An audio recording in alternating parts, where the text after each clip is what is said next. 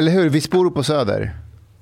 Om jag bor på Söder? Ja. Eh, jag bor i ett slags kollektiv eh, med flera människor involverade som har en hel radda lägenheter runt Sverige. Och eh, vi kallar våra lägenheter för ambassaderna. Och dealen är alltså att vi kan somna i vilken lägenhet vi vill bland ambassaderna. Så vi kan flytta runt, jobba var vi vill, ligga med vem vi vill, var som helst. Det, det påminner om den här filmen Tillsammans lite. Ja, fast det här är en familj som inte har några incesttabun. Så vi har inte de dramerna som fanns i filmen tillsammans. Okej. Så jag bor inte på någon speciell adress. Vilket kan vara ganska skönt faktiskt. So, so you move around? Jag flyttar omkring, ja det kallas nomadism. Det är normaltillståndet för människor egentligen, att flytta omkring och vara i rörelse hela tiden. Och jag måste säga nu att under det här coronaåret jag har börjat sakna flygplatsloungerna. Jag verkligen saknat dem jättemycket. Jag var faktiskt på en förra veckan. Det var skitdeppigt. Det är klart det, för att de, vet. alltså, Jag- om du åker till Arlanda idag och har vaccinerat dig så måste du fortfarande ta ett covid-test. Mm. Alltså om, om inte Arlanda har lyckats klura ut hur de ska välkomna folk tillbaka efter coronan så kommer ju flygbolagen och flygplatserna att dra på sig ett års jävla elände till som är helt självförvållat den här gången. Det är ungefär som H&M i Kina. Det är liksom bara, man såg det komma, man ser skadan skedd och, och det är ett tåg man inte kunnat stoppa. Men jag är fortfarande paff för att flygbolagen och flygplatserna inte lyckats hitta en modell som funkar så man kan börja resa igen. Det var tre covid-test. Nej, fyra covid-test för tre dagars vistelse. Motherfucker. Ja, så här, innan du åker, när du landar, sen vad är det, 24 timmar efter att du har landat och sen 48 timmar innan du ska åka igen så måste du ha ett färskt covid-test. Det, det, det är ett skämt. Var du i Nordkorea eller vad? Eh, Riga. Det var lite, ja exakt. Just det. Det är så här på Riga, vi- vi- Arlanda just nu. Alltså det, det, det är helt... Det är som att åka till Skåne härifrån ungefär. Åka till Riga. Andra sidan vattenpölen. Det är 400 kilometer typ eller något sånt. Ja, det, ja, det är kortare. Fågelvägen. Ja. Ja, jag tror det är kortare dit än vad det är till Skåne. Det såg faktiskt ut som Sverige. Så arkitekturen, allting. Det var skit. Det är byter det. ämne snabbt. Lettland är fantastiskt. Men om vi ska gå tillbaka till det här med att flyga och covid-19 och var vi befinner oss så, så är det så att vaccinerna funkar. Idag i alla fall, vi sitter den här söndag eftermiddagen, så dör det noll personer per dygn i Israel, Förenade Arabemiraten och Bahrain för de är helt vaccinerade. Det dör 10 människor per dygn i Storbritannien, det dör 900 per dygn i Frankrike och det dör förmodligen 30 000 per dygn i Indien just nu. Så att de länder som har lyckats vaccinera har fått ner sina dödstal dramatiskt. Seriöst sjuka försvinner nästan. Smittan kanske går omkring, men vad spelar det för roll om man inte blir sjuk längre? Eh, och det här är då förvånande. Det vi kommer se det här året är hur svårt det blir att ta sig ur alla de här neurotiska reglerna vi har överallt. Avstånd man ska ha, masker som man ska ha eller inte ha alltihopa. Och neurotikerna försöker hålla igen allt det här. Det finns ju folk som till och med tycker vi ska ha ansiktsmasker resten av vår existens på, på, på planeten. Så att för att komma ur allt det här och få till och med vanliga företag att fatta att det ligger i deras intresse att återigen göra kundupplevelsen till det centrala. Som till exempel om jag vill resa utomlands ska det inte vara massa hinder i vägen för att jag ska kunna göra det. Och är jag vaccinerad ska jag inte behöva ta hänsyn till någonting.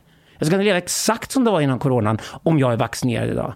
Men det fattar inte flygbolag och flygplatser än. Och det är där de kommer förlora ytterligare miljarder. Eller om du har antikroppar. Du kan ju testa dig för antikroppar. Du kan testa dig för antikroppar eller feber eller vad du vill. Men om du är vaccinerad behöver du inte ha något test. Är vad är poängen? Nej, men menar, om jag har Där ett är test... inte nu, för nu ska du både vaccinerad och testade för både det ena och det andra och åka ut massa papper som en slags byråkrati. Ändå får checka in på ett flygplan där alla ändå sitter som sillar i en sillburk tätt packade med varandra. Men vad är poängen? Det här är ju bara spel för gallerierna. Ja. Och nu- alltså det var någon form av rim och reson i coronaåtgärderna våren 2020. Men våren 2021 är det ju bara helt Va, va, galet. va, vad menar du med spel för gallerierna? Jo, därför att det som händer är att i början när du får en sån här katastrof så får du lite människor som tar ledarskap och tänker till. Okej, hur ska vi kunna hantera det här och också kunna klara oss långsiktigt? Eh, sen efter ett år, då har neurotikerna tagit över. För de kommer alltid stormande in och tar alla positioner som finns när det ska vankas en massa regelverk. Det är ungefär som Margareta Winbergs sexköpslagen. Kan hon hitta på någon ny jävelskap så kommer hon göra det. Och det är samma sak här. Neurotikerna kommer stormande in och, och Sverige är inte värst. Det är klart det är ännu värre i Tyskland just nu än vad det är i Sverige. Ett land som är fullt av bajsneurotiker. Men, men då kommer neurotikerna in och de hittar på en massa jävelskap som inte har ett skit att göra med covid-19. Och det är massor med sådana regler vi har fått nu. But it- it's, it's, it's developing into like some kind of uh, catastrophe in India. It seems to be also like a different strain of of uh, COVID? Ja, ja, oh ja. Sydamerika och Indien är just nu drabbade av mutationerna och de är riktigt brutala. Ja. Det är en jäkla tur att jag fått vaccinerna. Det kommer Eh, göra hela skillnaden. And it seems in India also like uh, a lot of like younger people are being affected. Det är samma sak i Sverige med. Jag lovar att medelåldern på de som ligger på IVorna nu här i, i Stockholm och sånt där, de är 10-20 år lägre än förra våren. Eh, de nya mutationerna sprids snabbare, de är råare och de går ner i åldrar. Och den stora faran är att vi får en mutation som går raka vägen på tonåringar och bara knäppar dem överallt och, och som vi kanske inte har ett vaccin för. Det är det läskiga just nu. Men, men vi har inte något sånt än och än så länge tyder allting på att de vacciner vi har om, omlopp i Sverige, vi borde kunna använda dem och ta dem allihop dessutom, funkar mot de mutationer vi känner till. Angående neurotiker, såg ni nyheten om Gislaved kommun som slängde massa läsk som skänktes till de äldre? Det var kommunens kostrådgivare som bestämde att folk på pensionärsboendena där skulle inte dricka läsk för det är väl för mycket socker eller något. Och så var det någon som tyckte synd om de äldre, någon lokal eh, affärsägare eller vad det var. Så han hade så här jättemycket läsk som han skänkte till äldreboendena. Jag såg något om det där. Ja, då beslutade ju hon att eh, nej, det ska inte de få ha. Så det körde de till tippen alltihopa. Omyndigförklarade de. och så blev det ett jävla liv mot Gislaved. Alla bara började hata Gislaved. Men det är liksom, jag tänker angående det här med neurotiker. Liksom inskränka varenda frihet som kan finnas. Ja, men du har ju två problem idag. Förr var det åtminstone staten som gav sig in i våra liv och skulle kontrollera oss. Och så kommer en massa idioter som inte klarade av någonting i livet. Ni vet det klassiska, personer som misslyckats med allting och blir livscoach. Ja, just Och det. det som får betalt av en minister för att vara det. Och blir är stjärna på LinkedIn och hänger på är på LinkedIn. LinkedIn. Men vi hade staten de sista 50 åren som anser att den ska beskatta oss stenhårt för att ta de pengarna från oss. För att sen använda de pengarna till egna löner för att sen gå omkring och vara experter på saker de inte kan.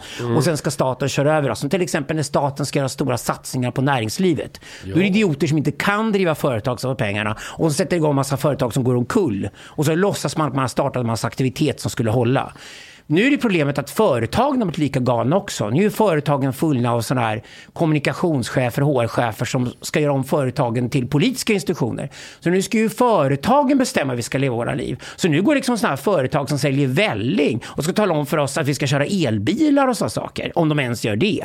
För ofta är det ju inte ens vetenskapligt. De bara, nu pumpar företagen ut en massa budskap desperat om att vi måste leva våra liv för de ska tvinga oss att, leva liv på ett annat sätt. Och det värsta stället av alla, det är ju där staten och företagen möts och det är Miljöpartiet. Det finns ingenting jag hatar så mycket i Sverige som Är Miljöpartiet. det inte det som är definitionen av fascism? Jo, exakt. exakt. Men nu kommer den från företagen med.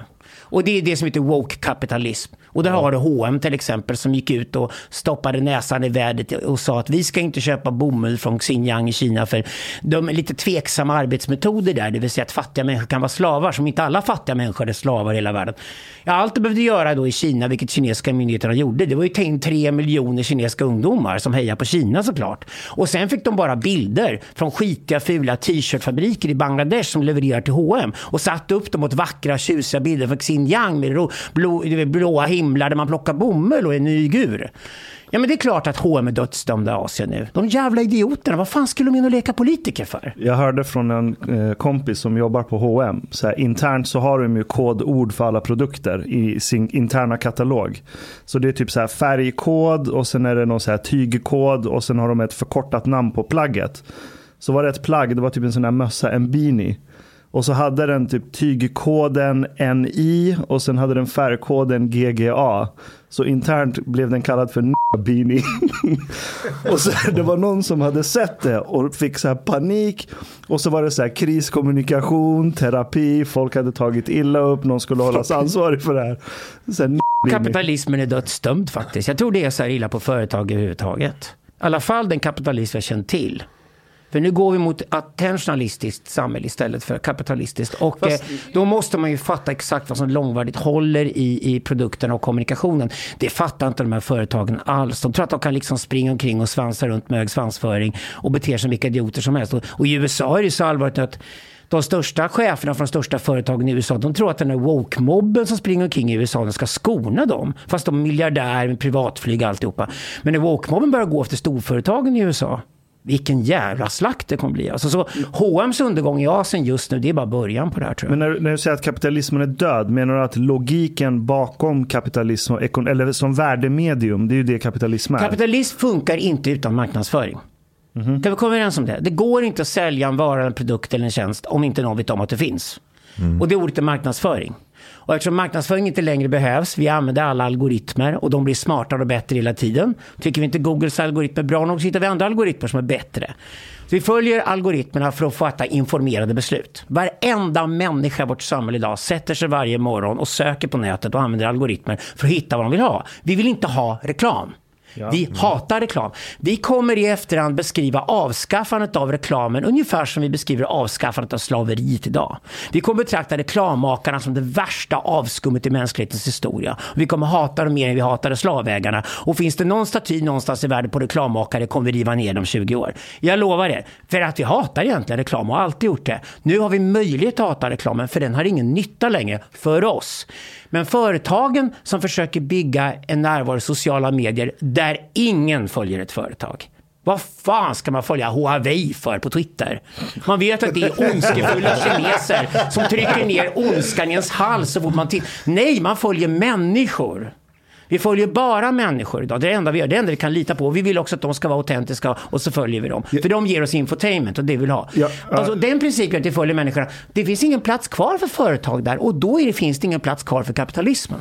Men okej, men så så här, när, när du säger att kapitalismen är död, jag, jag köper marknadsföringsaspekten. Jag menar, här, växer du upp med internet fattar du på en gång att här, marknadsföring är helt bullshit. För du kan få mycket, då fanns det inte algoritmer på samma sätt. Men forumen du hängde på och du hittade folk som så här, tillhörde din stam av intressen. Det var ju där du hittade info på vad du ska köpa, vad du behöver, vad som är bra, vad som inte är bra. Men eh, när du säger att kapitalismen är död, då menar du väl inte, om jag förstår rätt, att så här, logiken bakom att du ackumulerar kapital för att investera det vidare, det är inte den aspekten. Nej, okej. Om du jämför med feodalismen när den gick under så är det inte Ja. så att storjordbruken försvann. Exakt, det blev Inte ett lager ovanpå det. Nej, däremot sakta men säkert tog industrin över hela ekonomin och till slut så byggde man baconfabriker på herrgårdarna. Vilket där väl landat idag när alltså egentligen hela feodalismen är över. Det som händer nu är helt enkelt var någonstans sitter värdet. Och värdet idag är våra ögon, våra öron, våra sinnen. Och därför blir det så viktigt för oss människor att börja definiera. Det här är det spännande. Kapitalismen tvingar oss att definiera. Vad är heligt för oss? Vad är det vi aldrig kan tänka oss att sälja? Och vad är det vi kan tänka oss att sälja för vilket pris? Sex Inklusive vår egen tid. Inklusive vår egen tid. Okej?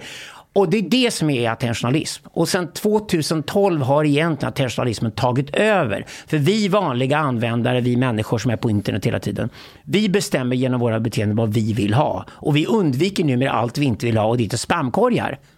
Adblockers. Adblockers är en av de bästa uppfinningarna i världshistorien med ett enormt mervärde för mänskligheten.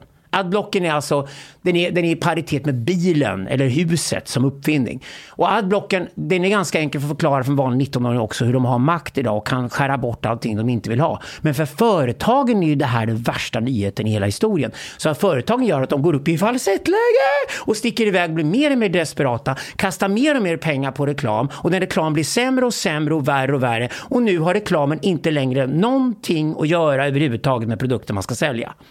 Och då är ju Kalle Anka och stupet. Kalle Anka utanför stupet. Han blir plötsligt medveten om att han är utanför stupet och då kommer han ju störta fort som tusan.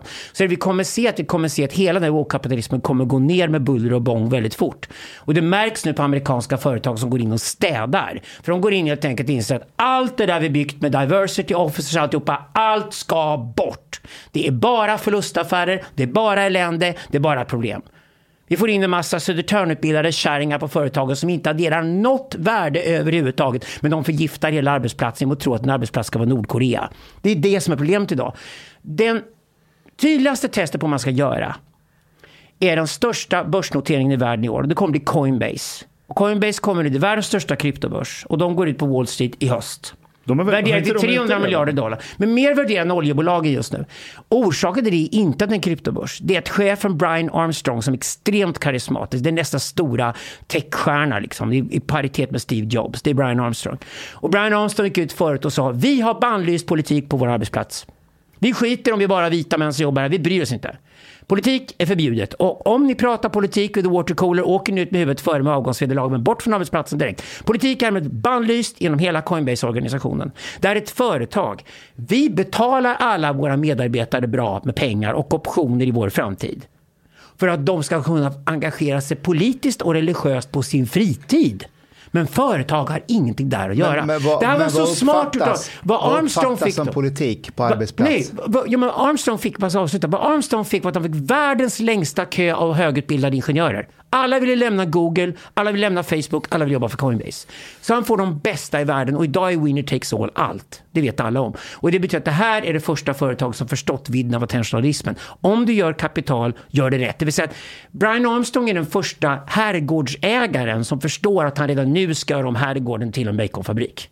But Därigenom träffar han helt rätt med ett kapitalistiskt företag som Coinbase. Och han gör intressant nog det på attentionalistisk grund eftersom krypto kommer bli så jävla viktigt att skapa mervärde som går utanför pengar. Okej, men Alexander, vad menas med att man åker med huvudet före om politik kommer på arbetsplats? Vad, vad, vad, är, vad är Du har politik? en enda plattform på det företaget. Det är någon som pratar politik överhuvudtaget. De åker ut. Men De får inte vad, vara kvar. vad, vad, vad betyder politik? Hur, hur, hur definierar man det på arbetsplats? In, när du blandar in vad Coinbase borde göra förutom att göra sin produkt. Okej. Vad är det för mer de ska vara responsible för och vara social med och annat diversity in the workplace. Ja, ing, du ska inte ha Nordkorea på ett kommersiellt företag, punkt slut. Och du vet med en gång vad det är för någonting. För någon kommer in och pratar om att företaget ska avsätta resurser till någonting som inte alls är en investering i företagets produkt. Utan bara en investering i företagets goodwill där det skvallras. Alltså, sluta ge pengar till välgörenhetsgalor ett enkelt sätt att få bort politiken på en arbetsplats. Sluta Men- hålla men- på med Men här är ett exempel. Här är ett exa- konkret exempel. Det, det här, jag ska inte säga vilket företag det är. Det är ett stort svenskt tech-under som finns över hela världen. Som alla förmodligen Host, använder. Spotify, host. Så, va, va, så, så inom programmeringen det finns en term som heter sanity check. Så när, när du skriver kod så ska du kolla att liksom, den makar sense, att det inte är saker som kan skapa loopholes och grejer. Ehm, så det kallas här sanity check. Det har hetat det hur länge som helst. Så om man gör en sanity check på sin kod, då finns det folk som du nämnde, så här, kommunikatörer, diversity officers på HR, som sitter och kollar hur folk pratar, vad de skriver i sina dokument. Och då kommer någon fram, det här är sant, till att ordet sanity check kan uppfattas som stötande om du har neurofunktionsvariation och sådana här grejer. so, they failed on the sanity check. Well, yeah, in a sense, yeah. Poängen är att det finns ju ingen ände på vansinnigt när vansinnigt väl har satt igång. Alltså om du släpper in woke på en arbetsplats, Nej, men de fick släpper sluta- ut andra i flaskan, den Ja. kommer äta upp allt. Och det betyder att arbetsplatsen kommer bli Nordkorea ganska snart. Och diversity officers nöjer sig inte med att vara det. De vill in i styrelserna, de vill ha makt och inflytande. Och sen ska de helt plötsligt bestämma produkten. Det här är människor som aldrig varit i närheten av att vara ingenjörer till exempel. Det finns ingen innovation i att vara diversity officer överhuvudtaget. Men det är det de tror idag. De tror de på allvar. Det är ju inte som när staten ska bedriva kommersiella företag. Det är samma problem vi återkommer till också. Det går alltid åt helvete. Vi hade ju faktiskt en statlig hamburgerkedja och Klock eller vad den hette. Eller var det en kooperativ? Nej, den var För det är ju statlig. väldigt skillnad. Nej, jag tror det var staten som ägde O-Klock eller någonting sånt. Jag känner igen namnet. Hur länge sedan var det här? Jag tror det var 70-talet eller fanns någon restaurang. Men det Vänta, fick jag... vänta, var inte det det som Ashkan gjorde någon dokumentär om eller håller på att göra? Ja. Vänta tills han kommer, han kan Ja. det här. Nu kommer Hanif. Hanif. Hanif. Hanif. Men jag kommer... Du, du kan det här med o'clock. Åh, klock. Ja, Ja. alltså vi sa att det, det, det fanns ju ett svenskt hamburgerkedja. Hallå! Kör. Hallå, hallå! Bredvid, Hej. eh, ni ner? Gå under bordet. Vi har döpt om det rummet till Gula havet. Ja. Eh, ingen kram får. Eller du får Nej, nej, nej, nej jag, jag ska vaccinera mig på torsdag. Ja, så vi det. jag vill nog gärna ha den först faktiskt. Du vill ha vaccinet först, Ja, inte jag, covid. jag har inga antikroppar kvar. Jag var sjuk och har blivit av med antikropparna. Så jag är Ja, du, inte... du lever verkligen upp till din bild som en Du diva. tar Du, fram, eh, fixa hans mick. Va, hur jag än gör så går det inte. du kommer sent till intervjuer, till möten. Vilka inte Han, han får ju en bok som ligger etta på Adlibris, eller låg etta för några veckor Mustafa, kan du ta fram hans eh, mick lite? nu? Håll i där så bordet. Ja, bra. Skitbra. skitbra. Be- Berätta om klock. Så Klock, eh, det, det var en kedja som hette Carols som började sprida sig i Sverige på 70-talet någon gång tror jag. eh, För att konkurrera mot McDonalds.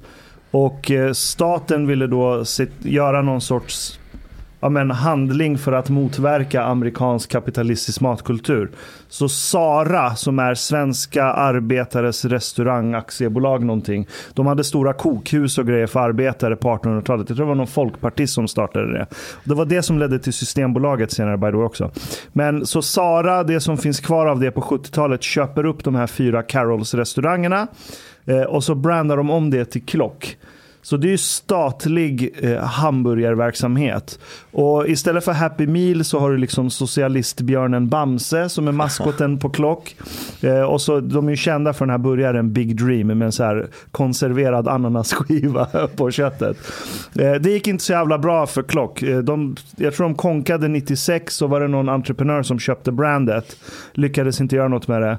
Så varumärket Klock såldes på Blocket typ år 2007 för 250 000 spänn. Och det är en person som köpte den och smälte upp en klockrestaurang i Härnösand. Och jag åkte dit bara för att käka på klock i Härnösand. Men jag blev besviken. För att, för att det var, det var två snubbar, jag tror de var typ kurder eller turkar som jobbade där. De var fett passionerade med burgers. Det var skitgoda hamburgare. Alltså, Då var det ju inte klock längre. Nej, jag det- ville ha den här äckliga, trötta, så här, vidriga, halvtinade brödet. Ja, sosseburgare. Med ananas på. De var så här service-minded, gav massa så här gratis dipp. Det var fucked up. Var- Är ni gamla nog att ha rest runt i, i östblocket innan det ramlade ihop? För när man reste där på 80-talet. När jag var 10 år så. Ja, okej, det, var, det var där i alla fall. Men om man reste där på 80-talet så var det så att man fick ju jättemycket växelpengar om man kom från väst. Så man tänkte att nu är jag stormrik och kan shoppa vad jag vill. Och det fanns ingenting att handla någonstans. Ingenting. Till slut köpte du en Lenin-medalj för en krona. Det är ungefär vad du gjorde. För det fanns ingenting du inte kunde hitta mycket, mycket bättre i väst. Och det är problemet med klockrestauranger eh, i Sverige. Att varje gång staten går in så gör staten så att den härmar kapitalismen och gör någonting sämre. Och sen finns det ingen innovation överhuvudtaget. För innovation är det som ryker när man bygger kolhoser. Alltså kör man bara på likadant och så vevar man på likadant tills systemet brakar ihop. Det är därför Sovjetunionen brakade till slut. För det går inte att driva system bara på härmning av andra system. Där man dessutom har byråkrati som gör att ingenting kan förändras. Det är därför staten inte kan bedriva företag. Det går inte. But Alexander, if, if capitalism would collapse, what would replace it? Attentionalism kommer ersätta kapitalism och gör det redan i full fart idag. Och det betyder att den som kan räkna ut hur ögon, öron och annan form av uppmärksamhet från människor fungerar långsiktigt kommer vinna allting. Därför där kommer algoritmen att peka. Så eh, att bygga en algoritm betyder att du mäter ditt beteende till exempel, du mäter dina vänners beteenden, du mäter likasinnades beteenden och så finns det en enkel princip man lägger in om du är smart. Och det lägger man in en princip som kallas antagoni på slutet också i algoritmen. Och det är överraskningselementet, det vill säga vad händer om du konfronteras med miljöer som du inte är bekväm med alls eller får möta åsikter som inte är dina egna. För då blir du smart. Det lägger du till som sista element när du bygger algoritmerna. För annars blir algoritmerna alldeles för inställsamma. Det är liksom bara så här, ja det här är vad jag ville igår på något sätt hela tiden. För de ligger alltid i förflutna, men det här är inte vart jag vill gå. Men så bygger man algoritmer och vi använder algoritmer redan idag överallt och de är ganska klumpiga och dåliga de vi har. Ändå är de bra nog för oss för att ta reda på allting du vill göra idag. Jag tar ett exempel. Om du öppnar en restaurang här på Södermalm i Stockholm idag så tar du över någon lokal du får billigt nu efter coronan. Och så går du in och lagar mat som du tycker om. Och så har du din affärsidé. Jag skulle förmodligen satsa på afghanska getgrytor. Jag tror det är nästa trend. Jag tror det kommer bli skitstort. Det är fräscht, nytt, spännande. Det finns bra kockar i Sverige. Vi- kan gå in och göra det. Får jag bara ställa en vänta, vänta, vänta, vänta, jag ska bara sätta ett exempel. Jag startar en afghansk getgryterestaurang på Södermalm i Stockholm. Allt jag gör är att se till att fem gäster får komma dit och få en förstklassig upplevelse. Då går de hem och ser fem av fem betyg. Och nästa dag har jag restaurangen på Google Maps med 5,0. Då får jag en jättekuta. Full Alexander, med vi kör. som vill komma Vi kör. Jag behöver ingen reklam. Lägg märke till att det jag sa just när exemplet finns inte ett öre avsatt för marknadsföring överhuvudtaget. Och det är så man använder algoritmer då man tänker till och är smart och så bygger man ett stort företag. Vi gjorde ju precis utan reklam för det här. Alltså är det inte kapitalism, det här är attentionalism istället. Det är det vi jobbar med. Ja, alltså, eh, Mustafa, du är från Afghanistan. Hur många, hur många eh, afghanska getgrytor har du käkat i dina dagar? Ja, vi- vi, vi äter mycket lamm. Och getter. Och ja, det gör vi också, men mycket lamm. Jag, jag är uppvuxen med lamm. Men du, Alexander, alltså, du, du pratar ju mycket om woken i företagskultur. Och Eh, wo- Wokismen går ju ihop lite med, eller mycket med den här lynchmobben som du pratar mycket om. Cancel culture. Ja, absolut. Ja, och du sa i en intervju för två år sedan, i söndagsintervjun, då sa du att lynchmobbens tid är över. Yes. Och då tänkte jag fråga dig, är han verkligen det? Jag menar, med tanke på vad som har hänt dig sedan 2019. Nej, nej, så är det. Kulturkrig kommer vi dras med väldigt länge. Och det, om du tittar på strategi, alltså militärhistoria gillar vi allihopa. Det är ett bra sätt att lära strategi. Varför kommer kulturkriget hålla på? Därför att de vi angriper, alltså woke-sluddret där ute, har ingen exit. De har ingenstans ta vägen. Så vad ska en diversity officer på H&M ta vägen om inte leta upp något annat företag som hon eller möjligtvis han attackerar stenhårt och trycker sig in och blir diversity officer där. För om du pluggat på Södertörn och lärt att alla människor där ute är offer utom vita heterosexuella män och de ska du tala för och tjäna pengar på. Om du har fått utbildningen att göra det kommer du göra det för du har ingenting annat. Och problemet är varje gång du ska besegra fienden, alltid måste döda fienden eller se till att fienden har en exit någonstans där de kan smita ut. Problemet med kulturkrig idag, vi kommer dras med det här lång tid framåt, är för att de här idioterna som får folk att gå på de här grejerna, de har ingen exit. Och problemet också är att väldigt många människor vill vara tjusiga och fina. Folk gillar välgörenhetsgalor. Och det är kopplingen mellan välgörenhetsgalor och gamla klassiska jakobiner man ska studera idag för att förstå det som pågår i samhället och hur rörigt det här kommer bli. Men det här kriget som du pratar om mot wokismen, antar jag. Vad är din roll i det här? Har du, har du förlorat eller har du vunnit? jag sitter här med er idag. Vi har massor med lyssnare på den här podden just nu. Det är ju inte så att jag går att angripa. Men jag visste ju om att det här kriget skulle komma. Så vad jag gjorde var att jag skaffade mig en bas. Typ en bra trygg familj, människor omkring sig som älskar en, bra kunskap, man kan historia och så har du ett jättestort övertag. Så varje gång du blir angripen så sitter du på segern från första början. Du vet att du kommer vinna här till slut. Det kommer bara att ta lite tid. Och sen när du liksom, du har kommit igenom det och motståndarna har ljugit om dig, kastat skit på dig, snackat skit utav helvete, försökt köra kniven i ryggen i stängda rum, för sånt gör de hela tiden. Väldigt mycket kvinnlig härskarteknik är involverad i bok. Som till exempel att man går in i stängda rum och kör kniven i ryggen på någon men aldrig erkänner utåt. Klassisk kvinnlig härskarteknik.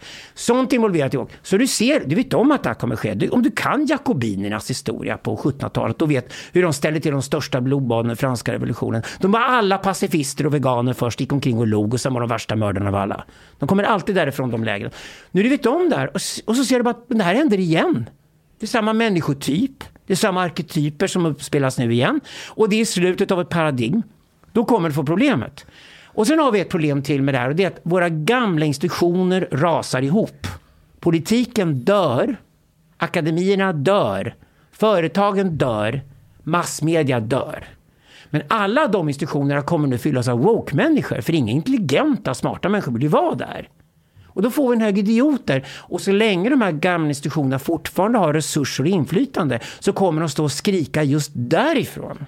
But, but, but at this point in time, is it getting better or is it getting worse? Because actually, from where, where I'm standing, I can't tell if things are getting better or getting worse. Både och skulle jag säga Sara, för förmodligen är det så att medvetenheten om det här sprids.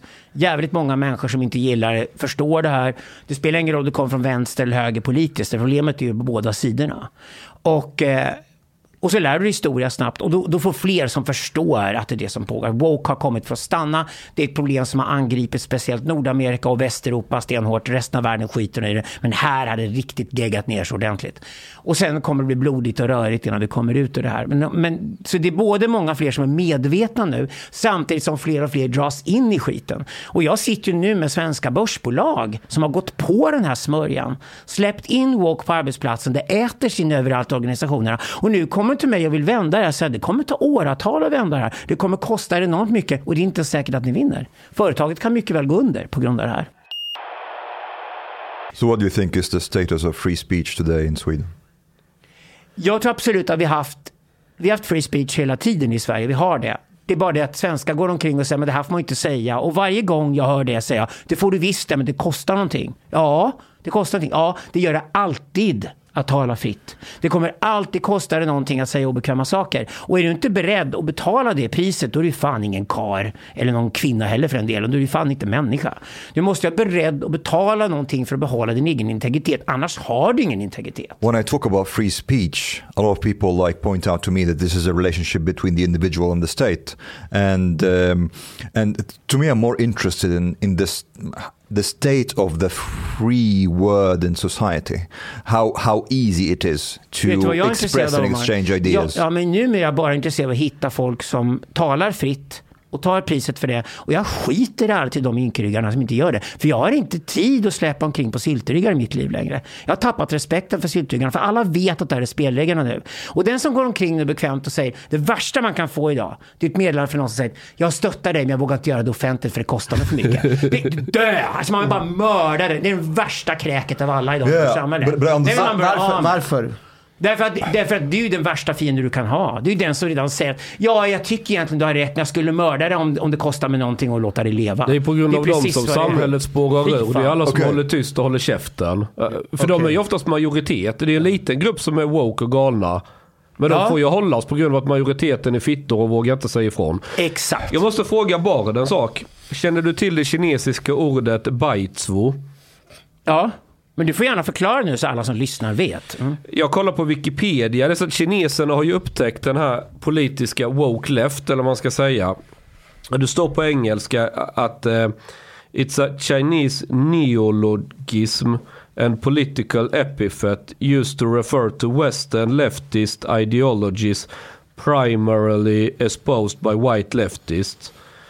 Och det, Vad betyder Ch-? Chang's accent in English. Ja, det, det beskrivs som en sarkastisk referens till de vars politiska åsikter eh, uppfattas som att de är guidade av känslor och hypocritical... Eh, fan, nu är jag trött i huvudet. Ja, men det är därför det är så lätt att döda H&M i Kina, för du får tre miljoner kinesiska tonåringar som sitter på sin fritid gratis och mördar H&M och skrattar. De, de skrattar för hyckleri, det, det är helt rätt. Du behöver inte ens åka till Kina för att hitta ord nu idag som föraktar woke. Du kan åka till Danmark. Det heter svenskerier Men det är en på sak jag, danska. funder, Det är en sak jag funderar på det är att jag, jag har noterat detta även i gamla Sovjetländer, om vi åker till Ukraina eller Ryssland eller någon av de länderna. Ungefär det här som jag ser från Kina, det är att när de möter det här woke left, så majoritetsuppfattningen där är att det är bara någonting pinsamt, det är lite liksom skämmigt eh, när man ser människor som håller på och ska leka Greta Thunberg eller något. Men i västvärlden så är det nästan ett ideal på något sätt. Ja. Det är någon slags kulturell, alltså väldigt stor kulturell skillnad. Hur man, Är det verkligen ett ideal för så här majoriteten av befolkningen eller är det bara någon liten klick människor som ändå hörs jävligt mycket i media? Nej, men det är inte en klick längre. Det har växt därför du gör karriär på det här idag. Och om du sitter som kommunikationschef eller HR-chef på svenskt företag idag är du med all säkerhet woke. De har sett till att de har alla de jobben idag i Sverige. Och därifrån tänker de gå in i styrelserummen och försöka ta chefsjobben. Och dessutom prata om innovation, att det är så viktigt. Ungefär som en woke-människa någonsin kan uppfinna någonting. De är bara en imitation av gamla jakobiner i lögen. Bard. Så det är problemet jag har idag. Så Ja. de är många nu som investerar där karriärmässigt. Och dessutom har många andra som är passivare gjort sig beroende av woke-aktivisterna för sina karriärer. Och då har du återigen exit-problemet. Om det nu är väldigt många svenskar som har hela sin karriär investerad i att woke måste lyckas med vad det nu ska lyckas med. För det kommer till slut bara bli inbördeskrig inom woke. Det slutar alltid som jakobiner. Men om du nog många investerat i det och hänger på den grejen, då har du ett brett intresse idag som du slåss mot när du slåss mot woke. Och de kommer alla försöka döda dig när du, när du säger sanningarna. Alexander, ser du min telefon därifrån? rekryteringstrio någonting startar nytt, vill profilera sig inom mångfald. Och så, och så, och så gör vi så här, och så gör vi så här. Där har du bild på den ena.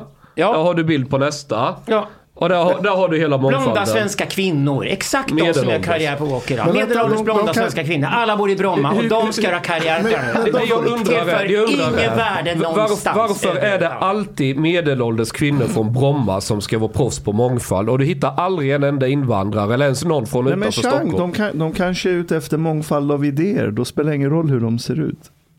Okej, De vi har reklamskolorna i Stockholm som Bergs och Hyper Island och sånt där. Jag känner alltså en brasiliansk tjej som lite som du Chang är riktig byracka. Det vill Ja. säga, det är härligt med byrackor.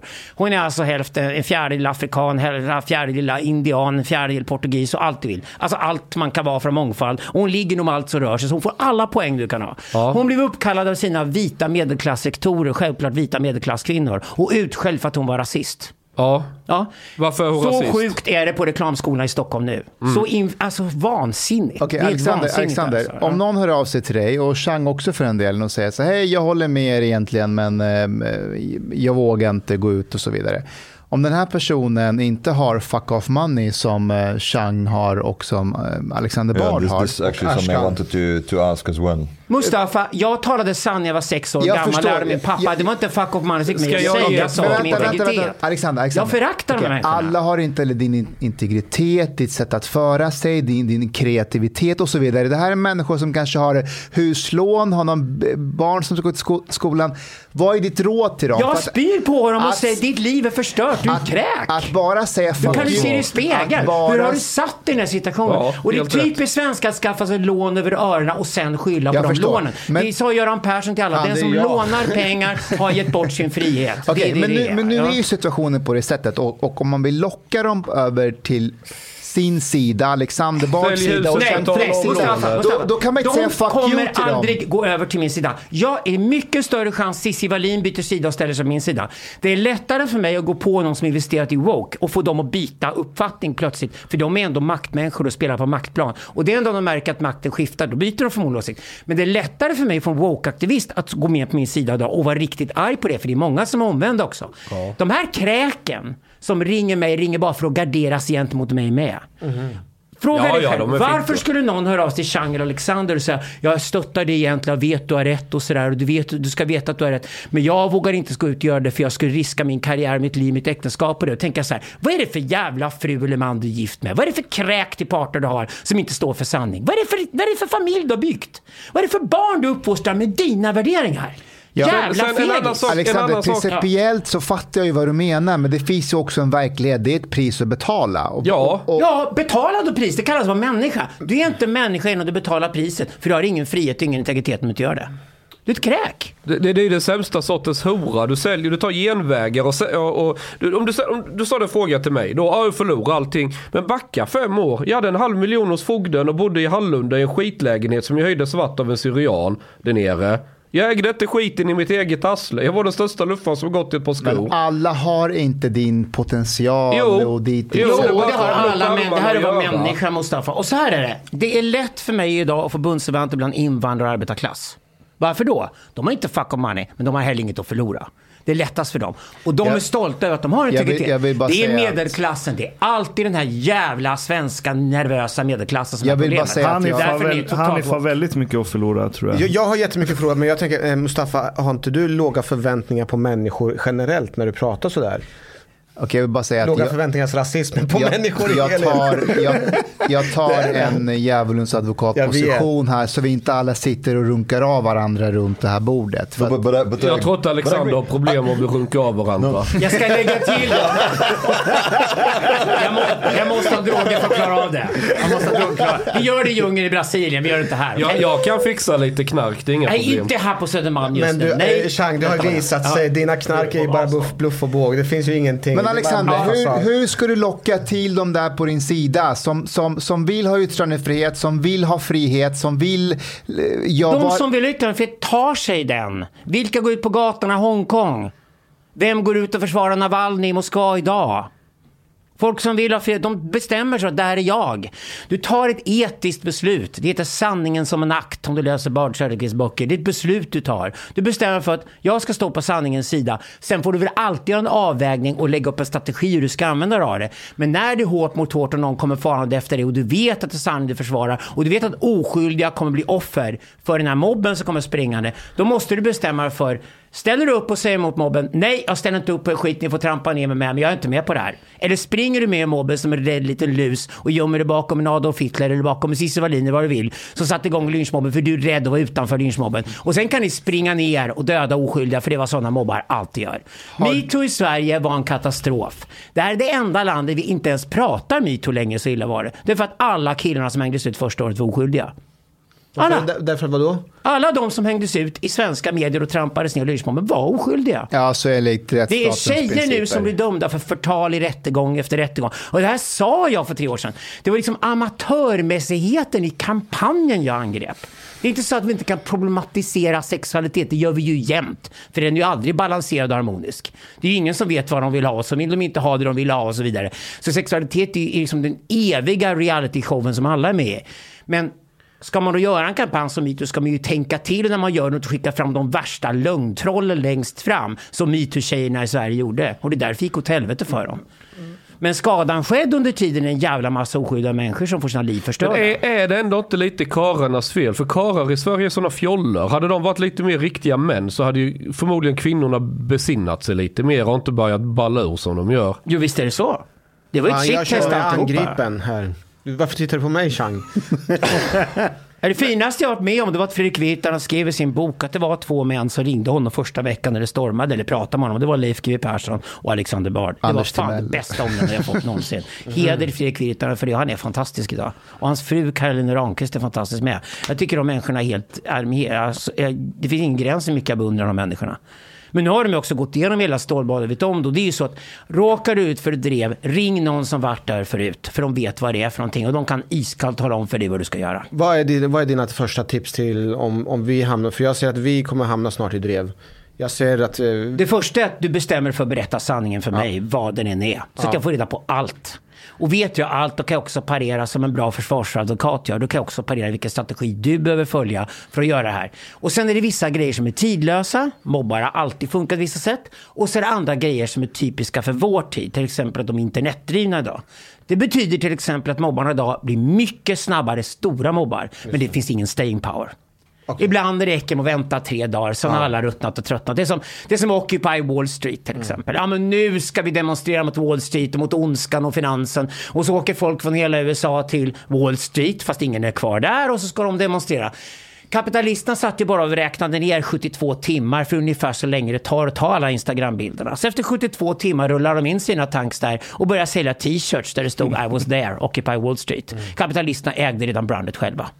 Sen var det över. Alltså, folk är så dumma, men skadan idag är att det mer än någonsin handlar om att intensiteten i mobbarna blir så stor. Och skadan de ställer till med blir enorm. Och det är den man måste parera hela tiden. Däremot håller de ju aldrig. Woke kan inte vinna. Det är inte till för att vinna. Woke är till för att inleda inbördeskrig där woke slår ihjäl woke. I feel like we're playing rodeo with Bard. Like each one of us is trying to ride his wave for a while. Then Alexander, nu har det gått snart ett år sedan eh, du fick lämna rampljuset, vad- i alla fall vad gäller gammelmedia. Alltså, Ja, tack gode Ja, jag gud för det. Kan- Heder till Bianca Ingrosso att hon tog, tog över mitt konto och säljer vaniljglass familjepaket idag på tv. För jag har slutat tora. Jag, jag är inte kvar i tv längre. Kan du berätta vad som har hänt de här nio månaderna sedan du Jag har gjort ex- sociala medier, jag har varit online, jag gör sånt här. Jag gör webcast och podcast i hela världen numera. Jag sitter och gör i genomsnitt en amerikansk webcast eller podcast per dag. Och fått en jättepublik. Jag måste slå Alla ett är slag- online, ingen jag, är kvar på Jag tv. måste slå ett slag för Andrew Sweeney-grejerna ni gör tillsammans. Ja. Vad heter den eh, serien? Sweeney och Bard först och sen nu är det Sweeney Bard Hamrick för nu är vi tre Är som han kör. med nu också? Ja, han Okej. är med konstant nu. Det, Hur det är många he- lyssnare? Det är så här, Det pickar iväg några tusen, men då ska du komma ihåg en sak. Idag ska man sätta sig ner och tänka, antingen gör vi något jävligt smart men, eh, eh, men Spetsigt. smalt. Ja, spetsigt, ja precis. Och då gör man det. Och då ska man inte räkna antalet, man räknar vilka det är och vilka nätverk det är som konsumerar det du gör. Det är viktigt att kolla vem det är då som kollar. Eh, eller också går det ut brett. Så Sätter jag med Jan Emanuel Johansson då drar ju det iväg en halv miljon tittare på en vecka och kidsen tycker det är toppen. För de vill höra mig och Jan Emanuel och Hanif Bali idag. De vill det alla kidsen. Vi talar klarspråk, vi är liksom den där onken eller pappan de inte hade eller vad det är. Och, de, och då tänker de själva och det är hela poängen. Så att det går att göra grejer i Sverige med en halv miljon som kollar utan problem. Det går att göra saker i USA med en halv miljon som kollar, då blir det globalt. Det går att göra saker med 2500 som kollar i USA. Men då sitter jag förmodligen med någon tantramunk på något kloster i norra Kanada där vi håller på att diskutera väldigt ingående detaljer i Padmasambhavas text från Tibet 832. Alltså jag älskar att nörda loss på sånt, men det kan du också göra. Du kan göra alla de här nivåerna samtidigt. Och algoritmerna drivs ju inte av mängd. Algoritmerna drivs ju både av specialisering och generalisering. Så att du märker du själv med en algoritm, du får ju tips om saker som bara 250 människor har sett. Men det är klockrent för det är precis ditt spe specialintresse. Och det är så algoritmerna hittar dig. Samtidigt som algoritmerna pekar på att killar i din ålder har gillat det här. Det är någon Mercedes-sponsrad grej, kolla på den om du vill. Men det är ungefär så algoritmerna, de ger oss den bredden. idag. But, but Alexander, do you identify as a libertarian? Jag är marxistisk libertarian. Brandon O'Neill i England och jag kom överens om att vi skulle kalla oss Vad, det vad är en marxistisk libertarian? Jag använder marxistisk klassanalys för att förstå samhället som helhet och sen lägga till en hel del Freud och andra saker i det som bra marxister gör och sen tittar jag på den klassanalysen och så förstår jag vad medelklass, arbetarklass, överklass är både kapitalistiskt och attentionalistiskt och så har jag skrivit böcker om det med Jan Söderqvist och sen tittar jag på det och då inser jag helt plötsligt att i samhället vi idag så är det faktiskt frihet och ganska stora mått av anarki som vi behöver. Sen kommer anarkin vara tvungen att mogna för att vi måste ha kontroll över systemet. Och då vill jag undvika att bygga kinesiska kommunistpartiets mardröm. Men det är ungefär där jag jobbar filosofiskt idag. But, but it's also interesting that quite often one can see that libertarians are getting along with nationalists.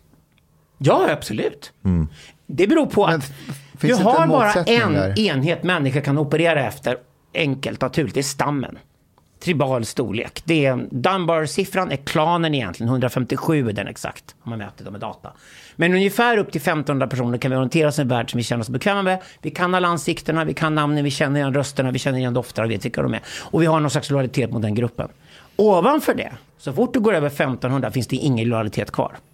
Alla lojaliteter i storleken ovanför 1500 kommer vi tvungna att anstränga oss för. Där skriver jag och Söderqvist mycket om. Jag vet också att Nassim Taleb håller på med det till nästa bok. Lite scales, alltså man är oerhört intresserad av att population scales. För med data och dataantropologi så kan man snabbt se hur män och kvinnor och så vidare och förhåller sig till storlekar på grupper och hur mycket tillit de har till grupperna och hur lite tillit de har.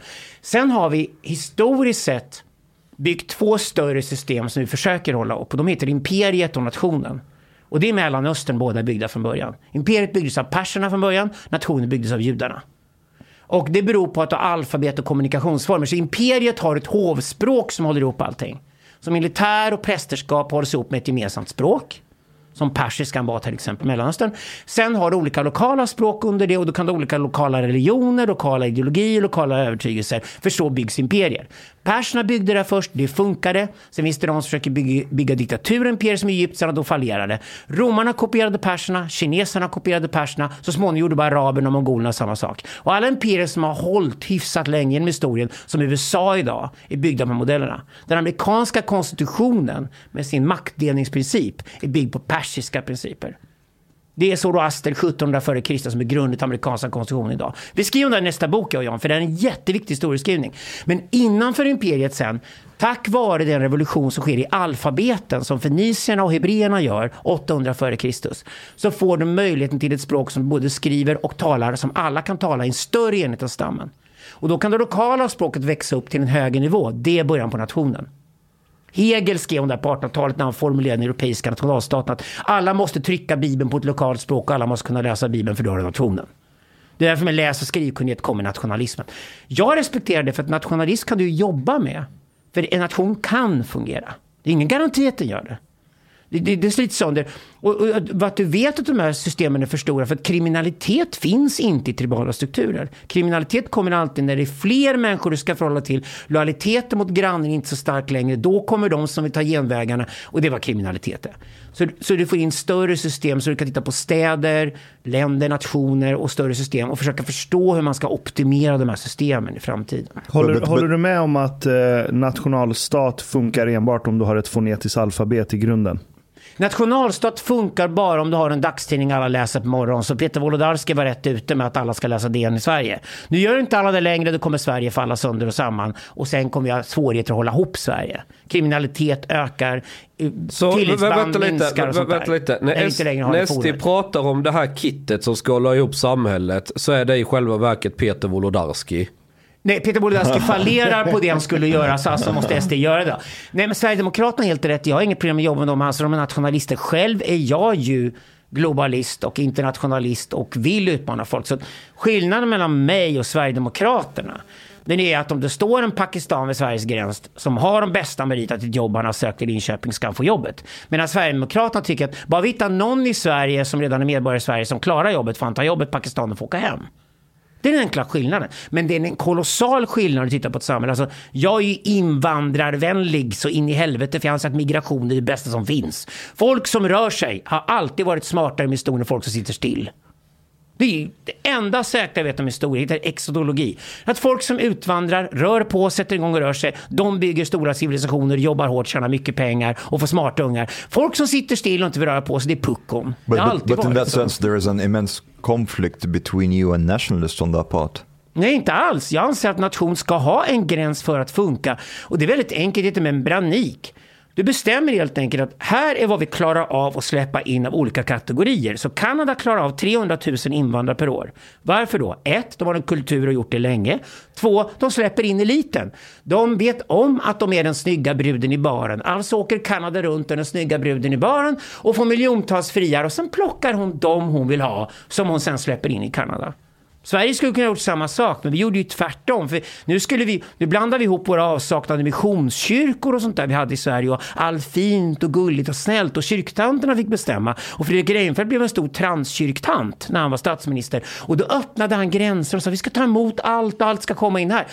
Nu var det ju inte så att Fredrik Reinfeldt åkte iväg till ett flyktingläger i Syrien och plockade de som behövde vara flyktingar mest. Utan de som hade mutat sig fram i Medelhavet, tog sig till Sverige, stod och bankade bordet. De släppte han in för att han var konflikträdd. Och då gjorde han om sin konflikträdsla, det mest svenska som finns, till något tjusigt. Det är helt sjukt. Det är därför jag blev förbannad 2016 också. Men det här går inte. Det här, är, det här är kört. Den här modellen funkar inte alls. Du kan inte hålla på och leka missionskyrka med hela Sverige. Skogen. Alexander, nu, när, jag har ju sett att du är med en del i alternativ media och YouTube-kanaler och en del av dem är så här Sverige, demokratiskt vänliga sidor och sådär. Men jag fattar att när du är där så eh, de gillar inte wokism och så vill de gärna att du pratar om wokism och sen är ni överens och lynchmobben och allt sånt där. Jag förstår det.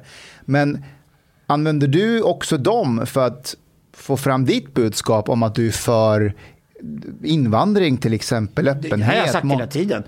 Jag tror till och med Mustafa Khan var tvungen att skriva någon stor krönika om mig förra året när det där Black Lives Matter Det kommer jag ihåg. gick Jag läste den. Jag den var ju läste väldigt schizofren men han skrev att Alexander Bard är absolut inte rasist. Kom ihåg vad killen har gjort under de sista 30 åren. Det här är invandrarnas bästa vän i Sverige. Men just den där tweeten var rasistisk. Ja.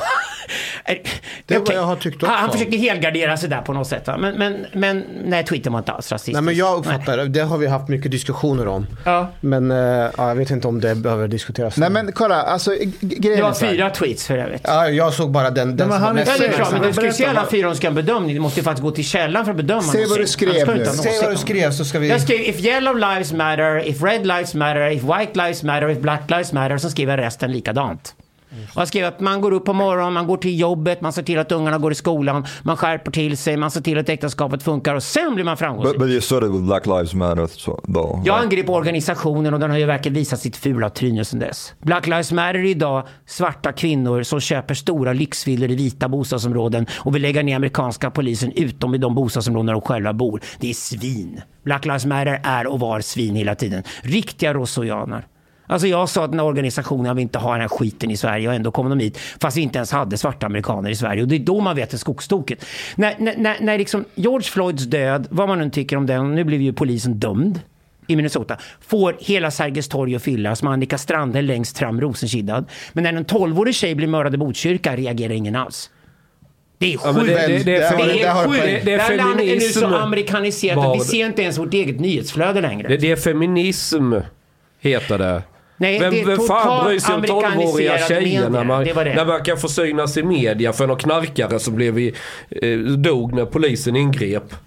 Floyd, det där George Floyd, han hade ju, vad heter det, det här som är starkare än eh, Fentanyl. fentanyl hade han ju i sig. Men vem fan Men det bryr sig om det? det- det ju- han hade det- ju knä i, i, det- i, han- i hans nacke i varje nio minuter. Det, det, är ju, det är redan dömt och klart så det är ingen diskussion. Ja, och de sa i rättegången Och att det vem, hade vem i med, den med juryn att skulle våga fria? De kommer ju för fan bli halshuggna offentligt av den här woke-mobben. Hur kan du lita på den rättegången? Lägg Nej, så av, är det inte riktigt. För det är en skillnad mellan Sverige och USA. I Sverige dominerar woke så totalt så du kan räkna motstånd och på ena handens fingrar. Rättsläkare I USA har du en rättsläkare. stor opinion mot woke. Sa i Och det, du kan Jag tror spela- att de- de vågar Du tycka kan också så. spela ut dem mot varandra. Så Det bästa exemplet på var vi befinner oss just nu, det är Lil Nas X. Har ni sett Lil Nas X, hans video? Nej, vem är det? han eh, blir påsatt du av måste djävulen. veta, du tar inte ut det. Lil Nas X är större än jag, Madonna jag, idag. jag, jag sitter här på Okej, min egen Lil podd. Nas X är- Gästen förolämpar mig. Hanif. Ja.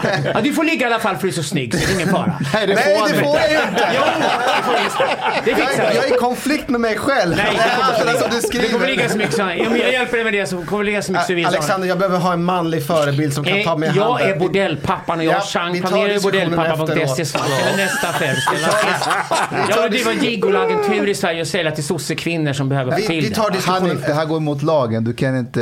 Nej, men jag ska ha eh, coaching och... Sälja sex det är nära micken. Köpa sex du är som mot svensk lag. Kolla, kolla hur Mustafa sitter. Är, det, här tillräckligt? Nej. Nej, gå närmare. Här, men du har lika lång. Nej, det har jag inte. Nu tappade vi ämnet. Ja, men du sa att... Eh, It's rodeo like I said. Vad? This what we're doing is rodeo. We're Aha, trying okej, to ride okej, you. ja, ja. Det gillar vi. Nej, men lite coaching sen så kanske det blir bra. Är det här bra avstånd? Det blir ja, okej. perfekt. Ja. Nej, men, Alexander, det, det, det, det är skillnad på att ha rätt och få rätt. Tycker du att du oftast får rätt? Det skiter jag i. Varför? Varför? Det spelar ju Varför? roll. Varför? Varför? Därför att jag bryr mig inte om konsekvenserna av vad jag gör. Jag bryr mig om det jag gör är rätt. What do you want Alexander? Folk får tycka vad fan de vill. Folk får tycka vad de vill om mig eller vad de, vad de vill. De kommer ändå tycka vad de vill ändå, vare som säger Ja. inte. De kommer tycka. Varför ska jag försöka påverka vad folk tycker om mig överhuvudtaget? Jag kollar på situationen och så gör jag min bedömning och ser vad jag tycker är rätt. Och jag har gärna mothugg. Jag gärna Nej, debatterar med någon som kan övertyga om att jag har fel, för då skulle jag bli ännu smartare. Fast det är inte att du har fel. Har, du har rätt. Men jag som, när du skriver till exempel Twitter om den här Black Lives-grejen. Du har rätt, men det landar fel hos mig. Och jag vill, jag vill ju... Varför det? Därför att jag, jag vet inte, uppenbarligen kanske jag inte är lika kompetent och smart som du är. Därför så måste jag anstränga mig mycket mer. Det kommer ju inte jag kunna göra för jag har massor med annat att göra. Jag måste jobba med polisjobbet, jag måste komma hit och eh, podda, Instagramma och allting. Jag har inte tid Så då har inte du tid att Jag har inte använda tid- hjärnan, det är Nej, det jag har inte säger. tid- Jag har inte tid att leta efter Alexandras fyra versioner av På vilket sätt hjälper det svarta överhuvudtaget att vita medelklasskärringar springer omkring och har välnötsskador åt dem och springer omkring och demonstrationer säger inte att Black du har Lives fel. Matter på skyltar. Jag det är ju säger, jag säger inte total att, jag säger, jag, säger, inte jag, säger, skit. inte- jag säger inte att du har fel, jag säger att du får inte med mig. Du, jag tycker att du med din kompetens borde försöka få med så många som möjligt. I och Nej. med att du har rätt. Nej, jag får med mig folk ändå, men det, det är en bieffekt. Men jag får ju aldrig sitta och fokusera på att jag ska försöka taktiskt, cyniskt övertyga andra. Hela grejen med internet idag är att folk hatar cynism. De hatar alla som spekulerat, de hatar alla som gått till en proffskommunikatör och filat på sitt budskap för att försöka lura sig in. Vänta lite. Va- ah, Det är vad alla hatar mest idag. Det alla hatar, det, alla älskar idag är äkta. Bad, bad, bad, bad, Innan vi drog igång podden så sa du att Paolo Roberto borde ha kommit till dig om hjälp. Ja. Och du sa att du hatar folk som vänder sig till en proffskommunikatör. Antingen eh, hycklar du eller så säger du att du själv inte är en Jag proffskommunikatör. är en transcendental proffskommunikatör. Jag är en Därför att jag har varit med om drev själv. Om jag, om jag har genomlevt om jag har genomlevt drev i 30 år så klarar det. Alltså autentisk kommunikation är det inget fel på. Vi spelar för fan in en podcast. Får- får jag spela upp ett klipp? Men reklam och marknadsföring är kört. Ja. retorik. När du då har uttrycker det så, så hårt och då som jag uppfattar det Det kategoriskt så tänker jag att det är, avspeglar någonting annat än det du egentligen kanske menar. Att du antingen vill testa en idé genom att eh, kasta ur den och vara lojal med den för att se vad som händer eller för att vara en provokatör som det också har kallats ibland. Eller... Nej, jag, det är så att samhället är väldigt annorlunda för 50 år sedan. Jag tittar på hur samhället ser ut. Alltså läser jag gamla texter, provokatörer på sin tid som August Strindberg, Vilhelm Moberg och andra, Fredrika Bremer för den delen också, som ofta fick väldigt rätt i efterhand. Va? Och så lär man av dem, de var kulturradikalerna i svenska traditionen. Och så märker jag att språket de sista 40-50 åren har korrumperats i Sverige och idag är det svenska den gängse idén om hur man ska uttrycka sig en form av livrädd helgardering som kommunikationsbyråer snickrar ihop. Det här kommer också människor undermedvetet börja reagera mot för det här är främmande. Det är inte jag som är den udda fågeln. Det är svensk kultur idag som är udda i det fallet. Jag är historiskt sett den normala sunda personen. Det är inte att vara kategorisk och vara hård. Det är bara att förklara någonting som faktiskt är fullständigt uppenbart. Men när man tänker, finns det någon risk i det där med att de där orden Vad är din poäng här Hanif? Men, Va? alltså här. Det, det, Jag var rätt bra där. Jag Jag, vill jag fick också ligga det. efter en till. Ja, Nej men det är lite grann kvar egentligen. Men det, det handlar om att du, du är inne pratar, du pratar om samma sak där som du gör nu. Det handlar om kommunikationen. Hur man ska kommunicera. Det handlar om att man ska prata om det äkta, sanningen snarare än att man ska ha kommunikatörer och prata runt omkring. Är det inte egentligen det vi sysslar med här idag? Jag vet att de som kommer lyssna på podden och gilla den är de som kommer tycka det vi säger har de inte hört förut, att vi gör det på ett äkta sätt och vi tror bara när vi säger det. Det vill säga kommer från raka vägen från hjärtat och från hjärnan och du har använt maximalt din kapacitet för att kunna tänka och uttrycka dig. Ha, ha, har ni, Den ärligheten betalar sig ni- jättebra idag. Det viktiga är inte att lyssna nödvändigtvis tycker som du. Det viktiga, Nej, nej, är, nej, det viktiga nej. är inte att de tycker att du är en skön kille eller någonting sånt. Men det viktiga uppfattar de dig att, att du är for real som de säger när de eh, hiphopparna säger. Eller att du bara håller en fasad och säger saker som du tror att folk vill höra. Står du? Skillnad mellan äkta och falsk. Du kan ta ett exempel på det förutom er här idag. Men jag satt med Victor Dalmeida. Han var ute och jagade mig rejält förra sommaren efter Black Lives Matter-tweet. Han var förbannad. Och satt vi oss ner och snackade. Och det blev viralt. Okej, varför det? Viktor vinner, Alexander vinner. Vilka blir rädda då? Alla de som gamblat på att det där samhället, samtalet aldrig skulle lägga rum. Alla de som står mittemellan, vanlig jävla vit svensk medelklass, blir livrädda. För när Viktor Almeida och Alexander Bard sitter i en civiliserad konversation, respekterar varandra, lyssnar på argumenten och tar in vad andra sidan säger, då blir det spännande. Och då får en intelligent publik som vågar fatta en, e- ett eget beslut och ha en egen uppfattning när Viktor och Alexander talar. Varför då? Viktor är helt jävla fucking äkta. Han är sig själv hela tiden. Vad gör jag? Jag sätter mig till honom och respekterar honom. Nästan lite nervös, det är han med. Och sätter oss ner och snackar. Vad gör jag? Jag bara kopplar på så mycket äkthet jag bara kan i det läget. Det är det enda jag har att komma i det läget. Och det är det jag använder som mitt vapen och det vinner. Det blir viralt och drar iväg. Mycket mer trafik än vad Agenda på SVT någonsin har. För du skulle aldrig fått ett sånt samtal på Agenda SVT idag. Skulle aldrig hänt. Det här internet är det som bäst. Ett annat tips. Russell Brand, Jordan Peterson. Jordan Petersons comeback har varit jävligt ojämn. Men när han satsar med Russell Brand som är den riktigt intelligenta vänstern idag och han får vara den intelligenta högern själv. Och de två lyssnar in varandra och sitter och är äkta och det är flott i ansikten. Det är grått och fult, det är inget smink där. Det är bara totalt jävla äkta. Det blir exploderar 8 miljoner människor kollar på en vecka. Varför då? För det är så satans jävla bra. Två superintelligenta killar, total integritet i helt äkta samtal och möter varandra. Det här har aldrig setts tidigare. Du har aldrig haft det här i tv och tidningar för allt vi har haft tidigare var regisserat. En sak jag funderar på, är det inte samma sak med porrsajter? När du söker på amateur och sånt som folk spelat in Det själva. sant, det är det är ju mycket mer poppis än det här riggade med ljus och... och Ja, ja, ja. Därför att en proffs. Porrskådis som var på gymmet innan de går dit och står och stönar och gör sig till framför kameran är ju fake. Och porr står ju och faller med äktheten. But- Det, är ju, en- det är det kallas ett patiskt narrativ. Det är som sport till exempel. Sport fallerar med en gång och vi vet att någon fuskar. Det går liksom inte att... De här narrativen som sport, våld, sex, en, ett patiska narrativ, det handlar om människokroppen vi talar med. Och det är därför jag gillar porr så mycket och håller med dig fullständigt. Varför amatörporren funkar för att det är två människor som njuter av att visa upp sig framför en kamera när de knullar. Medan däremot två proffsporrskådisar med perfekta silikonpattar, det är totalt pisstråkigt då. But uh. Alexander, th- there is something that that uh, I noticed, or we noticed a little bit, like um, about the some of the reactions we got uh, on this podcast. It seems to me that there is a culture that being yourself and speaking the truth, some people see it as almost offensive and aggressive. It's it's actually for them. It's aggressive that I I would be sitting here, being totally myself, speaking my mind without any kind of filter. Uh, Det är without- ociviliserad. Exactly. Without without like without shame. Uh, and uh, I've even gotten like some people told me, but Omar, it's it's fine to have these conversations, but don't have them in public. In private. Men det är ju hycklarna.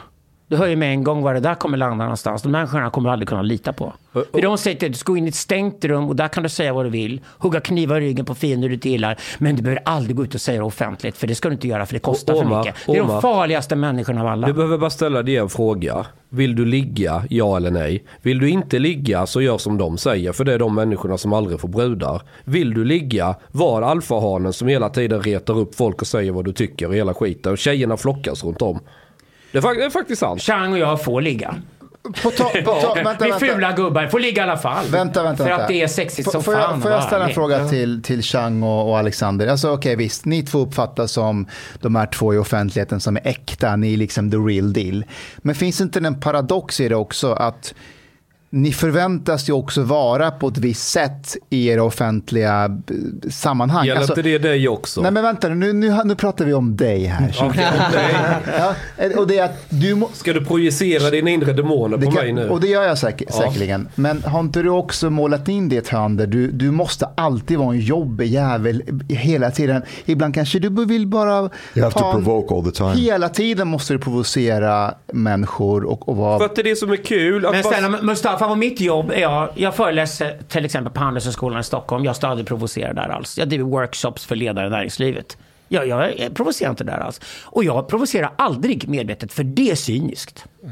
Det är jättecyniskt. Okej, det märker alla. Däremot you- blir det jag. Black Lives Matter-tweeten som vi pratar så mycket om, som gjorde mig till världskändis på Twitter. But- Det tog fyra dagar innan någon reagerade. Sen hittade alla på att de hade reagerat så fort de hade sett den. Bara för att någon annan hade reagerat och spelat med. Och då insåg jag, fy fan vad banalt det här är. Det är, det är bara en mobb som bildas av folk som är rädda för varandra och hakar på och låtsas i efterhand ha reagerat på någonting som passerade helt obemärkt förbi från början. But but Chang, Chang, Jag wait, wait, wait, Just, Mustafas yeah, just, just, just have something to say. Men- But are you more interested in provoking or more interested in saying the truth? Nej. Nitt- början på 1900-talet så hade ni en konstnär som hette Marcel Duchamp som ställde ut pissoaren i New York. Och man visste ens inte detta är ett konstverk eller inte. En pissoar ska ju normalt hänga på väggen och så kommer vattenstråle. Han ställde det ner och låtsas att det här var en fontän. Folk blev jätteprovocerade och det blev en jävla debatt om det hela. Hur kan detta vara konst? Men det var en provokation men han hade en tanke bakom den. Är ni med? När jag, när jag ställde Ett ut... jävla snyggt konstverk. Ja, den- också, den fan. hade- Vem skulle inte vilja ha det i sin Ja, men den, den hade jättestor betydelse för konsten och hela den här debatten under hela 1900-talet. Marcel Duchamp. När jag ställde ut Joakim Lamotte framför LO-borgen, ja det stod gnutta humor det massa olika lager. Men när vi pratar om det här med marknadsföring, jag vill ju inte bara göra någon tråkig jävla eh, liksom reklamsnutt som liknar allt annat som görs reklam. För jag vill göra något som engagerar folk. Och det engagerar min målgrupp. Det är kul, det är lite fuck you mot sosseri och makten. Men det är samtidigt gnutta humor, det är Lamotte, det är dammsugen, det är hela köret. Varje sån här, när jag gör en provokation eller säger någonting, det finns ju alltid en tanke bakom. Det är inte bara det att hö hö, de blev arga, hö hö. Det, finns ju, det finns ju en Och underliggande tanke är? med det. Vet, vet du vad som är nytt också? För Marcel Duchamp blev ändå betraktad som konstnär direkt för att konstnärsetablissemanget gjorde det. Att vara konstnär är ett diskursivt fenomen. Det vill säga konstvärlden bestämmer vem som är konstnär. Mm. Det är som att vara filosof som jag är. När andra filosofer började citera mig för 20 år sedan blev jag filosof. Eh, Men grejen är idag att jag tror att nu går det så fort att Lars Vilks och du blir inte betraktade som konstnärer. För att det är någon finish eller någonting som inte är där. Vänta nu. Men eftersom resten av konstnärsvärlden idag sitter och har stormöten på Konstfack om Vita havet och alltså inte ens gör någon konst, som ingen dessutom märker, kommer Joakim Lamotte-statyn Speciellt med datakoden som ligger in till om det är non-fungible token eller liknande. Var konsthistoria om tio år. Jag lovar dig. Och jag tror du och en sån som Micke Eklöf som gjorde hemmagjorda porrfilmer på 90-talet som var helt jävla sjuka och bisarra. Ni Jag tror det är en samma sorts person. undersökande grej som konst ska vara. Kommer bli konstnär. Och jag tror Lars Vilks till slut kommer bli betraktad som konstnär i alla fall. Jag tror, jag tror det här är bara en miniatyr av vad som sker i samhället i stort. Vi håller på att byta ut ett etablissemang. Bara referera till konstvärlden om jag erkänns eller inte. Men, men vad är konstvärlden idag? Exakt. Det, det håller på att växa fram en helt ny scen, en ny arena med en ny publik. Och där erkänns jag för det jag gör. Tidningen, nyheter idag, elbolag, konstverk, vad jag nu hittar på för jävelskap. Och i andra änden, de smarta 23-åringar som vill gå konstutbildningar idag ringer mig. Och det de säger allihop att de vill aldrig någonsin ställa ut ett galleri med vita väggar. För det är det gamla paradigmet för dem. Så de vill vara del av det nya och de vill provocera sig själva för att tänka så kritiskt som de kan bli riktiga Jag undrar, konstnärer. vad Det kommer folk på, krävas. jag undrar vad folk på Konstfack tänker om min Lamotte-staty framför LO-borgen. De låtsas som ingenting. Hade inte du Det finns någon vilka woke-kärringar som helst alltid gör. Men de är jätteirriterade. Chang, kolla. Min, min poäng är så här. Bilden av dig där ute är att du är en provokatör och, och, och ett troll. Ja. Okej. Ibland så kanske tänker jag att du inte vill vara en sån och bara vill säga vad du tycker. Men har inte du målat in det i ett hörn där du, varje gång du måste göra en poäng så måste du provocera för att få fram den poängen. Du har Nej. inga andra Men verktyg Mustafa, i verktygslådan. Mustafa, Du måste alltid vara troll. Mustafa, Kan- kan komma, du- du, gör ett fel, du gör ett felaktigt antagande där. Du tror att man kan styra sin mediebild. Det kan absolut ingen göra. Du kan inte styra hur folk kommer uppfatta dig. Glöm det med en gång. Det är det första du måste lära dig. Du kan alltså inte bygga, du gör det antagande du frågar Chang. Jag ska för övrigt lägga till att Mustafa har aldrig någonsin skrivit till mig att han står bakom mig men inte gör det offentligt. Han står bakom mig offentligt när han gör det. Jag vill bara säga det, så att vi är på den sidan. Du spelar helt enkelt djävulens advokat här. Men du kan inte göra antaganden att någon kan styra sin mediebild. Det kan inte ens Joseph Biden nej. göra. Ingen kan styra sin mediebild. Så också- glöm det. Jag skulle också vilja säga så att så fort man försöker man tänker på, åh nej, hur uppfattas jag av andra, hur uppfattas jag av media? Direkt där har du förlorat. För du blir ängslig, du, blir, du låter andra få en makt över det påverka dig. För då kan journalister plötsligt påverka dig genom vilka insinuanta frågor de ställer. Och så backar du och retirerar från olika saker som du egentligen vill prata om och så vidare. Då är jag mycket hellre den här eh, flodhästen i porslinsbutiken som bara går in och river ner hyllor. Men jag kör och gör det jag vill ha sagt. För det finns, det, det finns en slags mentalitet jag har och det är att jag hela tiden tänker bort bilden av mig själv. Jag har ingen bild av hur jag ska uppfattas i media, om folk ska tycka om mig eller inte. Jag bara skiter i det, fullständigt. Jag kan gå ut naken genom hela Södermalm och räcka fingret åt allihopa och alla kan, och det, och det hamnar i sociala medier överallt. Vad fan gjorde Chang nu? Jag bryr mig inte, jag har redan gjort det på Hultsfred en gång. Det är liksom... Och jag är exakt likadan. Ja. Jag har samma attityd. Men jag lärde min farsan av att lita skit där folk tycker de bara rädda. Lagar och sånt där till för vanliga svaga människor. De kan inte, de kan inte tänka fritt. Så om du bara vågar tänka fritt och agera så kommer det bli så naturligt för dig att göra det. Så det kommer bli vad du Hanif, gör. hörde du vad han sa? Lagar är Ja. till för svaga människor. Jag vet, jag har tappat eh, energin. Det går fort. Jag måste, vi måste prata lite långsamt för att jag ska hänga med. Jag har, på tal om lagar och så hade jag och Ashkan. Ashkan fick leka polis häromdagen. Ashkan, vill du berätta? Får, får man säga det här ens? Gör det. Jag, jag, jag, det är jag som får... eh, You have his permission. Talk. Det är, mitt, det, är- det, är jag, det är jag som ryker. Så, För jag tror att du hittade på när vi satt i bilen. nej, det, alltså, det var, jag hittade på. Det var... Okej, ja, men vi får se vad Mustafa säger. Nej, Ja. vi, vi, hade, vi hade spelat in här för några dagar sedan och det var kväll, typ 10-11. Ja. Och så var vi vid korsningen, så här, Hornsgatan, eh, Långholmsgatan. Ganska stor korsning, många filer. Så är det en bil som gör en högersväng och så är det grön gubbe när han har svängt fram. Men han svänger ganska fort, så han träffar en kvinna som håller på att gå över gatan. Men träffar precis på gränsen så att hon typ flyger bak en halv meter, tappar sin väska och mobil, men hon står kvar på benen. Och så blev hon chockad och går över vägen och så är hon typ 40 meter bort varefter du drar ner rutan och visslar så här. Är du okej? Och så säger hon ja, jag är bara lite chockad. Då säger Hanif till mig så här. Gör en nu sväng, följ efter bilen.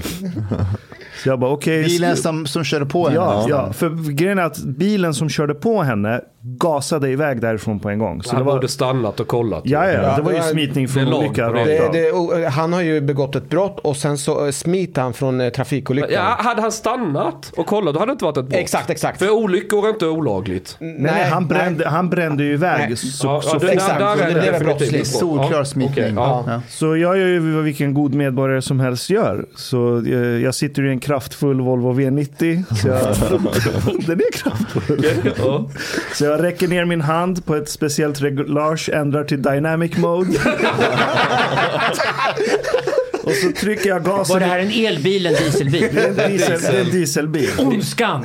Nu kommer Walk emot i alla fall. Det borde inte jaga honom helt enkelt. Så jag tryckte gasen i botten. Jag tror vi brände så här 110-120 på Västerbron. Det är en 60-väg. Men det var, det var bara en bil som vi träffade på på vägen.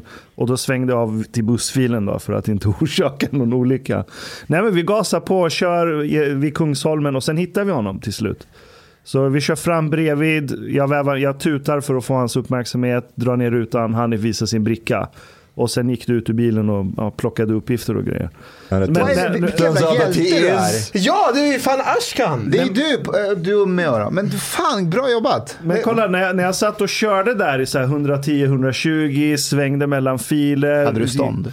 Nej, det hade jag inte. Jag hade faktiskt adrenalinkick. För jag kom- alltså, för jag, det första jag frågade, Of course he jag gets bara, jag bara. Hanif, har du vapen? Du bara, För det, det behövs när ni ska stanna. Shoot, shoot! Ashkan går ju direkt in i en sån här tv-spel eller en sån här film, actionfilm. Hanif, har du vapen? ja, men jag tänkte så här, jag vet inte vem som sitter i den här bilen. Tänk om det är någon... Det är någon stressad småbarnsförälder med nerverna på utsidan. Vem var det And då? it turns out he's another Iranian. Det här, det här, Det här är, sa så det här är roligt. Roliga. Ja. Sekunden vi vävar ner rutan och du visar brickan, du bara svänger av där framme. Han bara, okej. Ja. Och på K1, du vet, man hör. Så jag vävar upp rutan, kollar på Hanif, båda bara, han är iranier. Och så garvar vi som fan. Två Nej, men det- iranier jagade en, ira en Två iranier. iranier jagar en iranier i Sverige. Sverige. Smitning. Men det var det som chockade mig, för jag kör där på bron, zigzaggar och jag bara, Hanif, är det här lagligt? Vad händer om polisen stoppar mig? Du bara, nej, du har min tillåtelse att bryta mot lagen nu. Men jag tror du har hittat på det där. Jag tror inte Nej, du får men göra jag tror så. jag har fullt... Vad säger du Mustafa som för detta? Jag, jag, jag tror så Jag tror att här. du hittade på det här i Jag, stunden. jag tror så Nej, här. Eh, eh, Rättshaveristen i mig säger att detta har nog aldrig prövats i rätten tidigare. Men om man kan anse att den här personen kan utgöra en fara för andra så måste det väga tyngre än att Ashkan kör för fort. Om man då har en polis bredvid sig och Ashkan är van att köra bil och det är fritt på vägen och man ser att här finns ingen risk. Okej, vi, vi, håller, vi bryter hastighetsbegränsningen men vi har ny modern bil, bra bromsar, fräscha däck, vi har god sikt på vad vi gör. Då, då, får man, då är det två vågskålar och vad är det viktigare att, att potentiellt få stopp på en person som är fara för andra i trafiken än om du åker med en polis som är tränad. Så jag tror man hade klarat sig. Eller Och du är helgarderad i alla fall Hanif, därför att jag tänker starta då en kedja som heter Hanifs. Afghanska getgrytor runt hela Sverige. med ansiktet på. Så det är ju varumärket för den. Och den här, stor, den här storyn bygger vi självklart trovärdigheten bakom Alex, restaurangen han på. är- han är- Vem vill inte ha en getgryta lagad av den här Han, polisen? är, Kan han inte är det vara iranier, han maten? anställer förolämpar afghaner. mig. Eh, Alexander, kan Jag inte, det, gillar getgrytor, vad är problemet? kan inte det vara maten vi serverar i vår bordell sen? Ja, självklart. Vi har en lokalavdelning på Hanifs på bordellen, absolut. Alexander, du är ju typ besatt av minoriteter. Du pratar ju mycket om att iranier, eh, nigerianer, eh, kineser som migrerar, att de lyckas väldigt bra i samhällen. Varför pratar du så mycket om dem? Jag är besatt av migranter. Ja, men migranter, minoriteter, migranter. Kineserna är väl sådär, men exilkineser är ju fantastiska. Titta på Hongkong till exempel, i Taiwan. Vi har 100 miljoner exilkineser. De kommer bli oerhört avgörande. Alltså konflikten mellan Kina och USA kommer avgöras av kineser själva. Exilkineserna. Exilindier, åka till Silicon Valley, det är indiska chefer överallt idag. De har tagit sig fram överallt, det amerikanska näringslivet. Framgångsrika som tusan. Exiliranerna lyckas överallt vart de än åker. De har dessutom monopol i hela världen på plastikkirurgi ganska snart. Det är ganska smart de som Förut, visslar. förutom Är Hagamannen. det så beundransvärt? Eh, Ja, jo, det är mycket Nej, pengar i det och det att finns alltid. Det finns alltid kvinnor som börjar åldras och vill gärna se lite snygga ut ett tag till. Okej då. Ja, bra marknad var jag inne på. Men, men, eh, och sen exilnigerianer kommer till. Och Peter Townsend som jag jobbar med som är uppmärksam på det och så att vi reste i Afrika en del och så, så här, kolla in nigerianer och kolla på data för det är jävligt svårt att lyckas i Nigeria. Det är ett land där fortfarande inte ens elen är liksom jämnström varje dag. Men ändå bygger de som tusan och sa förmodligen är det då eftersom det är så jävla mycket motstånd lyckas i Nigeria så nigerianerna överpresterar och lämnar. Då gick jag in och kollade på data. I England och USA är nigerianska invandrare de som presterar högst av alla etniska grupper som finns. När det gäller utbildning, inkomst, så småningom då förmögenhet och inflytande. Och det betyder också att när vi ser Black Lives Matter idag i USA och tror det är representativt för svarta amerikaner, då är det en speciell diskurs som kommer till amerikanska universitet med afroamerikanska, framförallt kvinnor och en del män som kör den här diskursen. Men om tio år kommer det ha massor med nigerianska invandrare i USA som kommer höras. Och de nigerianska invandrarna har vi följt i USA. De flyttar alla till Texas. De blir alla republikaner. De går med i frikyrkor. De jobbar stenhårt. Deras ungar går till Harvard och Stanford för att utbilda sig. Och de kommer ju höras överallt i media de närmaste tio åren. Framförallt sociala medier. Och de kommer inte hålla med om den här Black Lives Matter-agendan överhuvudtaget. De kommer säga att vi är hjältar, vi jobbar hårt och vi är absolut inte slavättlingar. Och vad nu en slavättling har för agenda har vi ingenting med den att göra för vi är inte offer. Det kommer bli så jävla intressant så du kan ju redan idag Apropå det här du säger att jag talar, jag vill alltid tala sanning i alla lägen. Jag sitter inte och spekulerar av konsekvenserna. Jag kan ju samtidigt sitta rent strategiskt och säga herregud, historien kommer vara på min sida. Därför de här rösterna kommer ju fullständigt ändra hela debatten när de kommer höras. Den första sådana här stjärnan nu, Candace Owens känner ni säkert alla till. Men hon är Ja. amerikansk svart som har en vit man. Det räckte för att rätta skit med alla. Hon är ball. Men hennes bästa väninna Melissa Tate håller på att bli ett fenomen nu. Melissa Tate är från Zimbabwe. Svart afrikansk kvinna. Kom till USA som 15-åring utan pengar på fickan, jobbade stenhårt, pluggade stenhårt, lyckades, gifte sig med en vit man och är superframgångsrik och har miljontals följare i sociala medier idag. Melissa Tate är bara den första på den vågen, hon är profetisk. Den vågen kommer ändra hela diskursen i USA. Men, du kan inte komma Alexander, undan med de här offermyterna längre när de det finns hjältar. De flesta svarta i USA, de gillar inte Candace Owens. Hur vet Nej, du det? hon det? kommer vinna. Nej, hur vet, för första växer hon hela tiden. Ja, hon växer som bland tusan vilka just nu. då? Bland svarta amerikaner. Hon växer Men av de jättemycket. svarta som känner till henne, hur många det är ju gillar massor med unga svarta tjejer henne? som älskar En Candice stor Owens idag. majoritet ogillar Candice Hur, hur Owens. vet du det? Hur har du mätt det? Dels så kan man se hur hon uppfattas av eh, svarta allmänt på sociala medier. Hur många svarta i USA känner du? Candice Owens är gigantisk på sociala medier i USA. Ja, men hur kan du Hon veta- slår ju Okej. Candy B varenda gång de bråkar och Candy B är ändå rätt sexball allt sånt där. Men Candy B är för woke idag för att vara med i spelet. Candice Owens vinner. Nu kommer vi in på Lil Nas X förresten, apropå svarta amerikaner. Det här är det intressantaste av allt som händer just nu. Lil Nas X är en 20-årig, assnygg, jättesexig, svart bottombög. Bög som vill ha kuk i röven. Iskallt, säger rakt. Jag ska kolla upp det. Lil Nas X, han är etta i USA idag. Montero heter hans nya hit. Vad han gör är att han sätter som en kines-amerikan som heter Gilbert Wheely som ett geni. Gilbert Wheely känner jag från mina nätverk i USA. Han är konstnär, bor i Brooklyn, kines-amerikan. Gilbert Wheely sätter sig med Lil Nas X och bygger hela hans kampanj. De snor 666 Nike-skor. Eller de köper 666 Nike-skor, gör om dem till Satan shoes, droppar en droppe människoblod i varje sko och säljer dem med Lil Nas ansikte på. Självklart stämmer Nike dem för det och går rakt in i fällan. Varpå Lil Nas X bara skrattar hela vägen till banken och hänger ut dem allihopa. Nike, att Nike försöker förfölja honom och stoppa honom från att göra, vara konstnärlig och kreativ. För lagen är egentligen på hans sida. Så självklart så Nike ser ut som töntar. De är corporate, stort bolag, trögrörliga, hänger inte med i svängarna och jättetöntiga. Och Lil Nas X blir segraren som går ut det där. Och den riktiga triumfen, det är när Lil Nas X sen får Fox News emot sig. För det visar de hur woke de är. För då kommer walk från höger. Då går, spelar de med att han är Satan, spelar på Satan och det här är liksom mot kyrkorna och starka familjevärderingar och så. Och han sitter bara och skrattar. Han åker alltså på en strippstång i videon hela vägen ner i helvetet. Knullar med djävulen, mördar sen djävulen och blir djävulen själv. Okej. Elvis Presley vickar på häcken 1955. Det är samma sak igen. Det har aldrig varit så lätt att reta upp morsan när man är tonåring som det är idag. Och det är exakt den effekten det får. Och sen kommer det bästa av alltihopa. Gilbert Willys genialitet. Självklart har de redan förinspelat att Lil Nas X går ut och ber om ursäkt och backar från alltihopa och går ut och säger att "Nej, men förlåt mig, det var inte meningen att göra upp i alltihopa och sen slutar varenda sån film med ett hånskratt. så jävla... Det här är super Frick i USA. nu. Och det här, det här är så intressant för vad det gör, att det där blir marxist för det här är alltså ett woke kommer från höger. Ja, jag- sitter jag kan Fox News och går in i identifiera mig fällan och med, visar lika woke som CNN är. Den svarta... De, de, We're fucking the devil de flesta svarta i USA är demokrater, en stor majoritet. Candice Owens är republikan, de hatar demokraterna över, över allt annat. Det är en stark indikation på att hon ogillas av svarta i USA. Av stora majoriteten. Lil Nas X ligger just nu etta i USA och har flera miljarder downloads. Han är en jättevinnare. Jag vet inte om du ska sitta och jämföra olika svarta grupper mot varandra i USA. För det är klart att en majoritet svarta säkert är emot Lil Nas X. Han vinner. Candice Owens och han är bästa polare.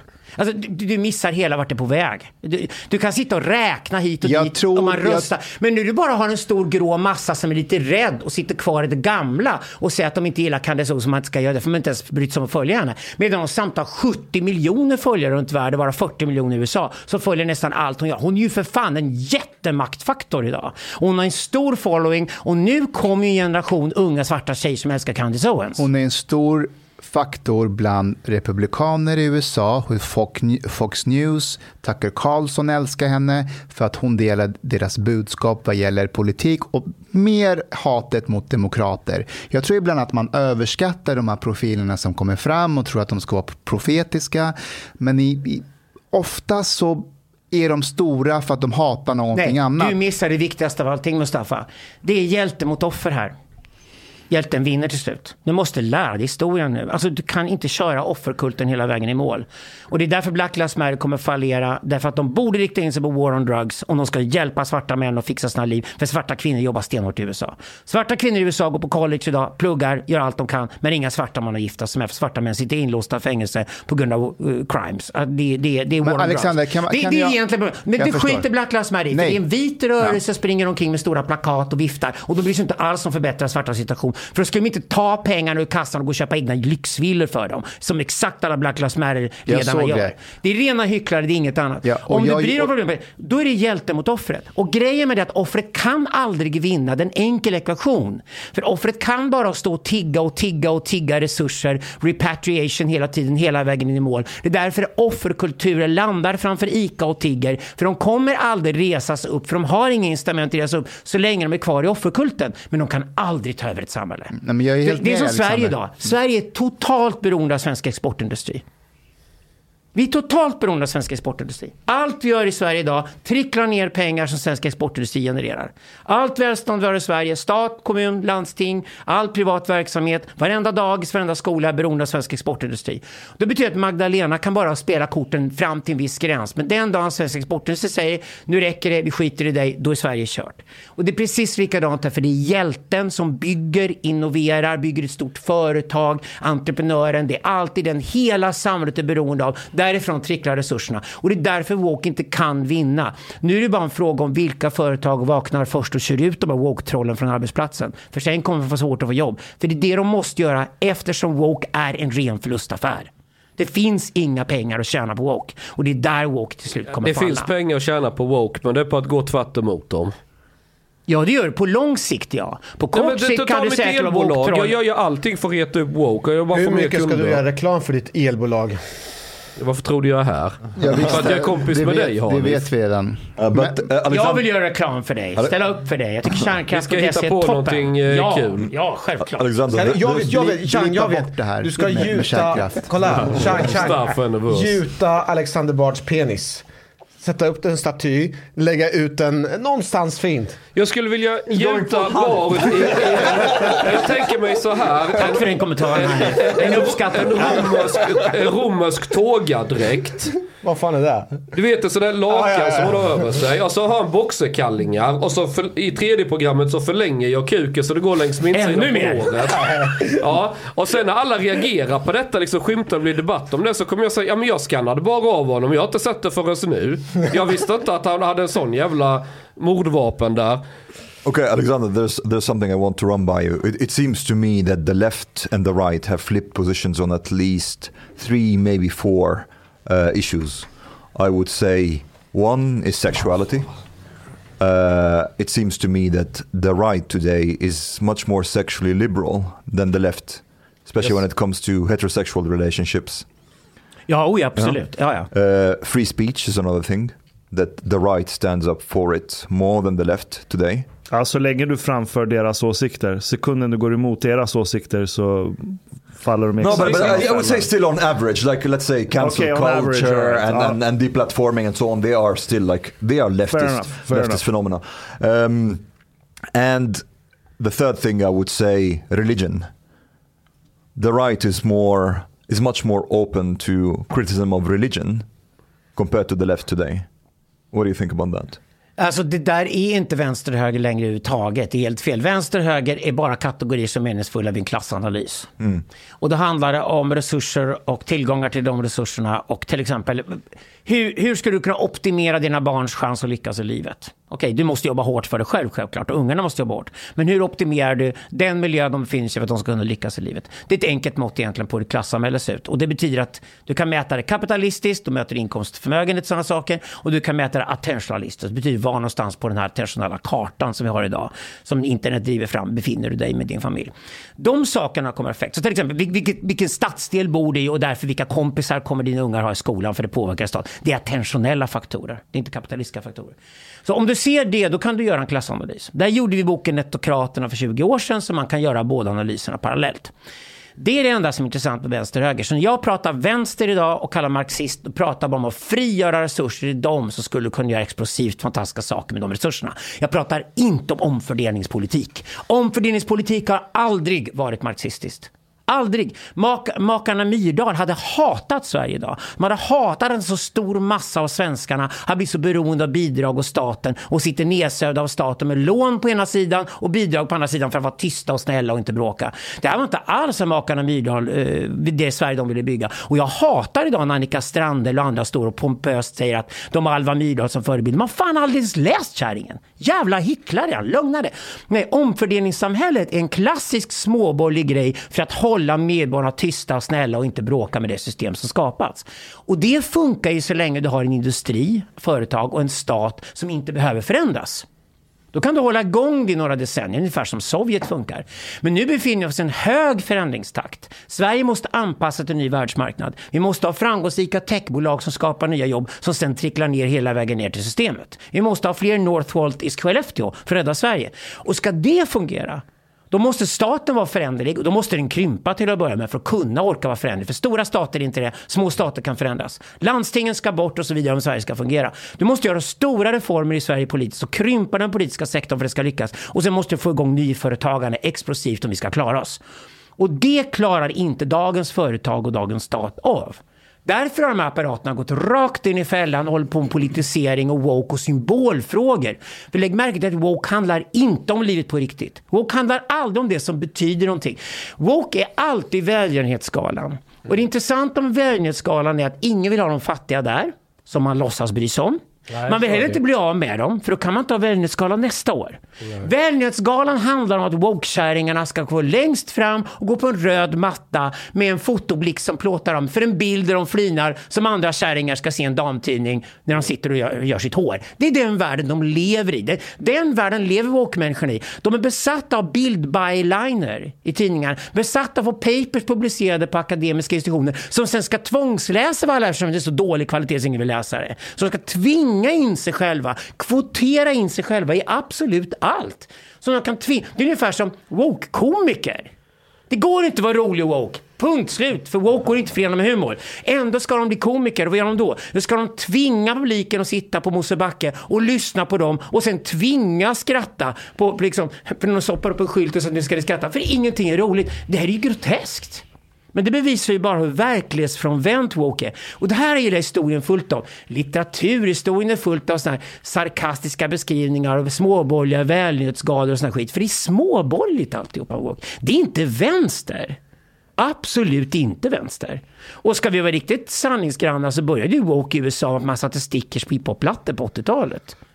Och det var ju högerkärringarna som inte ville att deras barn skulle lyssna på farliga skivor. Vilket alla hiphopstjärnor självklart satte en sticker direkt på plattan för då sålde man en miljon mer. För då blir man ju farlig och spännande. Och det är dit vi är på väg då. Lil Nas X är vår tids Elvis Presley. Och det är klart att det krävs en svart powerbottom-bög med självförtroende för att göra det han gör idag. Men varenda jävla snorunge tycker självklart han är coolast som finns och mamma blir jätteupprörd. Och mamma blir dessutom helt psycho i huvudet för han är ju både svart och bög och ändå blir hon arg. Men hon ska inte bli arg för det här är ju det hon ska försvara och då blir hon galen. Bra, får hon åka in på sinnessjukhus då. För där kommer Walk landa. Det, det, han behöver komma ut som muslim också, sen är ju hela lilla sexpaketet komplett. Liksom, så här. Den här videon är jävligt fet. Vad hette den här låten? Mon... Montero. Ja, skittung. Ja, jag, jag har sett den, den är cool. Den är cool. Jag måste kolla. Jag känner mig så gammal nu. Jag har inte koll på vad kidsen tittar på YouTube längre. Det är skitkul och det är jättehuckigt och så enkelt var det att vara Elvis Presley en gång till. Jag bara väntar på att Alltså Walk är så jävla korkat. Det är som en stor uppblåst jävla fasan. Det är så uppenbart att det här går En igen. uppblåst vadå? Fas- Fasan liksom bara som... Uppblåst fasan? Ja, de är stora fåglar men ännu mer Ja, jag har massa utanför Uppsvälld huset. leverfasan, du vet. fasan. Och så, den här stora kraxande fågeln, det är inget svårt att skjuta det här. Det är bara att ta fram bössan och skjuta. Men Du kan nu springa i ju. fatt en fasan. Det enda ord jag hatar nu med är R-ordet. Vad vad är det för något? Aha. Jaha. Jag hatar ordet så mycket. Det är så totalt förstört. Det har ingen mening ska, ska kvar. det förbjudas som, ä- som Ja, jag tycker man ska förbjuda R-ordet och säga R-ordet då istället. Men om klarar... Men jag lovar dig så här. Om du går in på en skolgård nu efter coronan i Täby bland 13-14-åringar så säger de neger, neger, neger 15 gånger om dagen för det är så jävla roligt. Då gör det redan. Det är redan där. Blipa den stilen. Nej, nej, nej. Jag står för det jag Ja, sa. men vi står inte för det.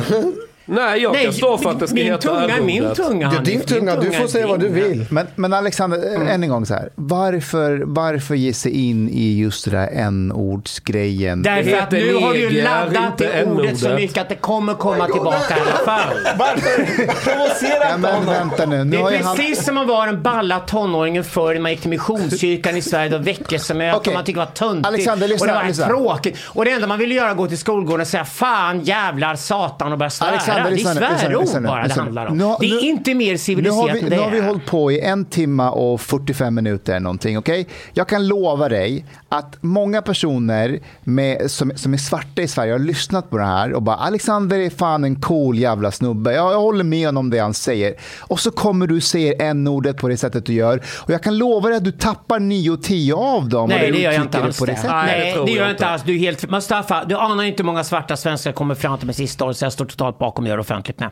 Fy fan vad skönt att du Ja, men säger det är en sak. Men just, Jättemånga svarta svenskar är spytrötta på politisk korrekthet och de vill inte heller bli använda av vita medelklassmänniskor som slagträ i en debatt som de aldrig kan vinna. Det är för fan det mest förnedrande som finns. De låga förväntningarnas rasism. Det är den riktiga rasismen. Kan Alltså, vi inte bara slå fast jag- det? jag- Anklagar du Mustafa rasism? Jag tycker det finns något nedsättande med att säga... cynisk- Nej, cynisk nej, men det, det är något nedsättande med att säga n-ordet istället för att säga typ neger. Anledningen, Det är ju samma ord. Anledningen är att om jag vill prata skit om finnar, om jag vill prata skit om ryssar eller amerikaner, vad fan jag vill. Då använder jag de orden som finns. Men, av någon anledning ska svarta människor vara så jävla, eh, jag vet att det är efterblivna, att de klarar inte av ett litet nedsättande ord när alla andra Exakt. klarar det. Nej men det är klart de klarar det precis som alla andra. Alltså, antingen behandlar du alla lika, för när, när du börjar behandla folk olika, det är ju då du på riktigt börjar bli rassig av dig. Det För ordet... du vill klä dig Det var ju därför alltså, jag skrev min tweet om if yellow lives matter, if red lives matter, if white lives matter och if black lives matter. För jag visste ju självklart om någon skulle gå på det där skulle alla gå på det. För att vita människor Nej, älskar men att göra skulle svarta till offer. But, but why? But why use a word that is like perceived as offensive? Därför att det är en that- importerad amerikansk idé. Vi har inte använt ordet neger i Sverige som man använder ordet negro i USA. Och nu är jag bara litteraturhistoriskt korrekt här. Vi tar in alla problem från USA och det värsta jag vet idag, när någon lite förvirrad somalisk invandrarkille kommer fram till mig och påstår att han är slavättling och för att han har sett en hiphop-video. Jag säger, snälla du, Somalia har ingenting med det att göra, inte Sverige heller. Du är somalier svensk, vi behöver det i Sverige. Men du får inte gå på den här dumheten. De får ingen bildning från någonstans för det enda de har är jävla fucking massmedia som håller på att elda på idén med amerikanska budskap som skickas till Sverige som inte har ett dugg med svensk diskurs det, det är farligt också att pränta Bäst, in folk. bäst här är Makode Linde, negerkungens återkomst. Bästa som gjorts i Sverige. hjälte. Fy är fan hjälte. vilken hjälte. Och historien kommer göra att är det är mycket större konstnär i hela tårtan skriker. Den är Linde är fantastisk. bäst. Ja, fy Ja. fan vad bra han är. Och det, att inte någon förstått konsekvensen av det han gjorde också. För att det är liksom, det är ju, nu är det Jag, sagt. ser, Must- jag känner ångesten här från Mustafa hela vägen hit. Nej, men kolla här. När blev en ordet problematiskt i Sverige? Varifrån kom den idén? Jag Gå och kolla historien. Alltså- det är totalt importerat från USA. Det var aldrig en jag, svensk jag är debatt. helt med dig på att den är importerad. Alltså, och jag Ja. tror att den somaliska killen som kommer fram till dig och du säger så här, du, du har ingenting med slaveri att göra. Läs det här och det här och det här. Så kommer du att bilda den här somaliska killen. Han kommer se upp till dig. Men när du använder n-ordet på det sättet, det, det, det finns i ryggmärgen. Det gör ont hos svarta Nej. människor att höra Nej, det. nej. Och då, då har de något att jobba, då har de nej? något att jobba med. De har något att jobba Nej, med. jag- jag har varit Om du inte kan läsa som- av intentionen bakom den som talar, då är det fan mycket att jobba med. Jag Om den som säger intention. har goda Alexander. intentioner, det är en helt annan sak än någon som säger man får inte säga en-ordet samtidigt ha Alexander. jävla intentioner. Skaffa, ha koll på vilka som är riktiga vänner. Alexander. Och då ska jag säga en sak till svarta Sverige idag. Ha koll på vilka som är era riktiga vänner, vilka som bara är falska jävla vita medelklassmänniskor som är nervösa. Skaffa jävla koll på vilka är allierade på Alexander, riktigt. jag För det är vet, skitviktigt jag, att göra jag vet ju att du är de svartas vän låter konstant, men jag, du är... Alexander, de svartas vän. Alexander, Alexander, jag vet att du, att du inte är rasist. Alltså att jag inte ska behöva säga det är bara löjligt. Jag vet att du älskar mångfald, hur den låter, du vill ha invandring. Du är den minst jävla rasistiska människan jag känner. Tack. Okej? Ja, och det ska inte Det är inte behöva det som säga. diskussionen handlar men, om. Men, men, du skjuter dig lite själv i foten när du, när du har rätt men du får inte Nej, rätt. Mustafa. För då du- du finns det en läxa inte som alla måste lära sig. Alla måste lära sig här, okej? Om du ska vara vuxen. Du måste förstå intentionen bakom den som talar av intention man får använda ordet. Som till exempel när du låtsas att skämt inte är ett skämt och angriper någon för skämtet för att det är politiskt inkorrekt. Om det tolkas som ett icke-skämt. Men om det vore ett skämt så skulle du med en gång fatta att det här är ett skämt. Okej. Idag har vi ett samhälle fullt av medvetna missförstånd. Och när du säger till mig att folk har rätt att bli upprörda när jag pratar för att jag använder n-ordet. De har inte alls rätt att bli upprörda av det om de inte har kollat min intention först. Då måste de lära sig det och det måste afrikaner i Sverige och svarta i Sverige göra lika mycket som en vit svensk måste göra det. Alla vuxna människor måste lära sig förstå vad intention är. Och intention är helt avgörande för att man bedömer något som sägs eller görs. But- Helt avgörande. Det går inte att bygga juridik på någonting annat än man först tittar på intentionen. Vad var avsikten med det du gjorde? Vi satt och pratade till exempel om någon som smet från en incident. Det visar intention. Intentionen var att om jag träffar någon när jag svänger bilar så skiter jag med att köra ihjäl dem. Jag ska smita i alla fall. Den intentionen avgör allt i juridiken när det kommer till domstolen. Och det här måste alla lära sig idag. Jag kräver även av afrosvenskar att de lär sig idag att förstå vilka riktiga vännerna är här ute och vilka som inte är riktiga vännerna. Och det går på intentionen. Och sen, då kan jag ta en diskussion om etikett, tonalitet, smarta ordval. För jag kan gärna prata med vilken afrosvensk som helst, inklusive min egen bror som är svart. Okej, då kan jag prata om taktik med det. Och då kan jag säga så här, då kan det vara smart att lägga upp taktiken på det här sättet. Och då är jag alltid i de här diskussionerna. Jag satt hos Viktor Almeida och då sa jag bara så att jag föreslår att du Viktor, som är svart enligt den här jävla tråkiga jävla rasbeteckningen. Ras finns ju inte ens, men okej. Du får bestämma när du börjar använda ordet. Men en sak måste du lova mig. Du kan inte ha ett evigt straff på användningen av ordet. Du kan inte säga att man aldrig någonsin i framtiden får använda det ordet. För det går inte historiskt att göra det. Det måste finnas historiska punkter där ordet går att börja använda i skämt eller konst eller på något annat sätt. Vi kan inte ha bannlysta ord i ett språk. Vi kan inte ha svärord i längden. Det är groteskt att tro sådana det. Och allt jag har sett från de som låtsas upprörda över att jag använder en ord i Sverige, det är att de inte ens tänkt på tanken att de har dömt ett evighetsstraff på mig för att jag använder ordet. Och det underkänner jag på en gång. Där vet jag med en gång att de är falska människor och de är bara ute för att jävlas med mig och förmodligen jävlas med de svarta också. Det är de farligaste lirare man kan ha idag. Är du svart i Sverige idag, gå fan inte och lira med vita medelklass som springer omkring och är nervös och rädd. För de kommer rugga i ryggen och de kommer lika gärna vara nazister när det blir inne. För det enda de gör är att de har åsikter för att det är inne och ute. Hipster på Södermalm går inte att lita på för fem öre. De kan bli nazister hur lätt som helst. För det är inne, då springer de bara dit istället. Och de ska man inte ha som regerande om man är svart i Sverige, det kan jag säga. But, but Alexander, language is still a collectivist medium, and it seems that maybe you are refusing to acknowledge that this word is by the collective uh, understood to be offensive. No, it's not. Not by me, and not by most blacks. It's degrading. Det är, det är precis som Chang säger, det är faktum att det finns ett ord man inte får säga om svarta, men det finns ingen motsvarighet om andra folkslag i Sverige. det finns Lisa, vi har redan gjort historia svarta status. om dem. Nej, Vi har gjort ni har satt svarta lägre när vi gjort det. Vi Precis. har sagt de är vekare, svagare, klarar inte det andra Ja. gör. Vi har inget A-ord i Sverige Och för afghaner. Men se upp när man säger att man får säga afghan i man Sverige. Då jävlar får du problem. Man säger, Samma man, man problem. säger n-ordet istället för vad det ursprungliga. Vi säger ju ordet egentligen. Nej, men det man gör, man förstärker bilden av att de svarta är svaga och, och, och gör, ska göra offer av dem. Och det är det, det sämsta du kan göra. Om du får på riktigt bry dig om människor, vil- vilken hudfärg det är. Då, då kivas du och jävlas med dem precis som du gör med alla andra. Slavoj Zizek tog ett exempel att liksom brödraskap hur man är vän med någon. Då drog de de sämsta, man började med att dra de sämsta kiss och bajsskämten med varandra. Och, och snacka skit om olika folkgrupper och allting och skrattade tillsammans. För då är man kompisar. Men när du ska ha den här PK-fasaden och med falska leendet och du klistrar på en attityd som du har mot folk. Chang, jag håller med dig, men finns det en gräns? För Nej. mycket man kan Nej, skämta inte med om intentionen är avgörande. Om du bestämt intentionen, för då kan du sitta med någon från Glada Hudik som Står- pratar jättekonstigt till neger och tycker helt okej, för du kanske inte väntar annat Okej, för Glada men- Hudik. Alltså intention betyder att du bedömer varje person hur de pratar och vad de säger utifrån förutsättningarna. Ett, vad kan den här personen innan? Vad har de för kunskap om historia? Hur använder de språket? Är det ens, är det ens deras första språk? Eller är det deras fjärde språk rent av? Då har du mycket större tolerans vad de säger. Och sen är kontexten det andra. Om det är en komiker som står på en scen eller en konstnär som gör ett konstverk så ska du fan släppa upp varenda ord som finns. Du måste kunna använda alla ord under konstnär och alla ord under komiker. Du kan inte ha stängda ord som inte får användas. Och då har redan där sagt att n-ordet har en begränsning där du kan använda n-ordet. Redan där har du faktiskt erkänt det. För du kan inte ha ett förbud mot att använda n-ordet i konst.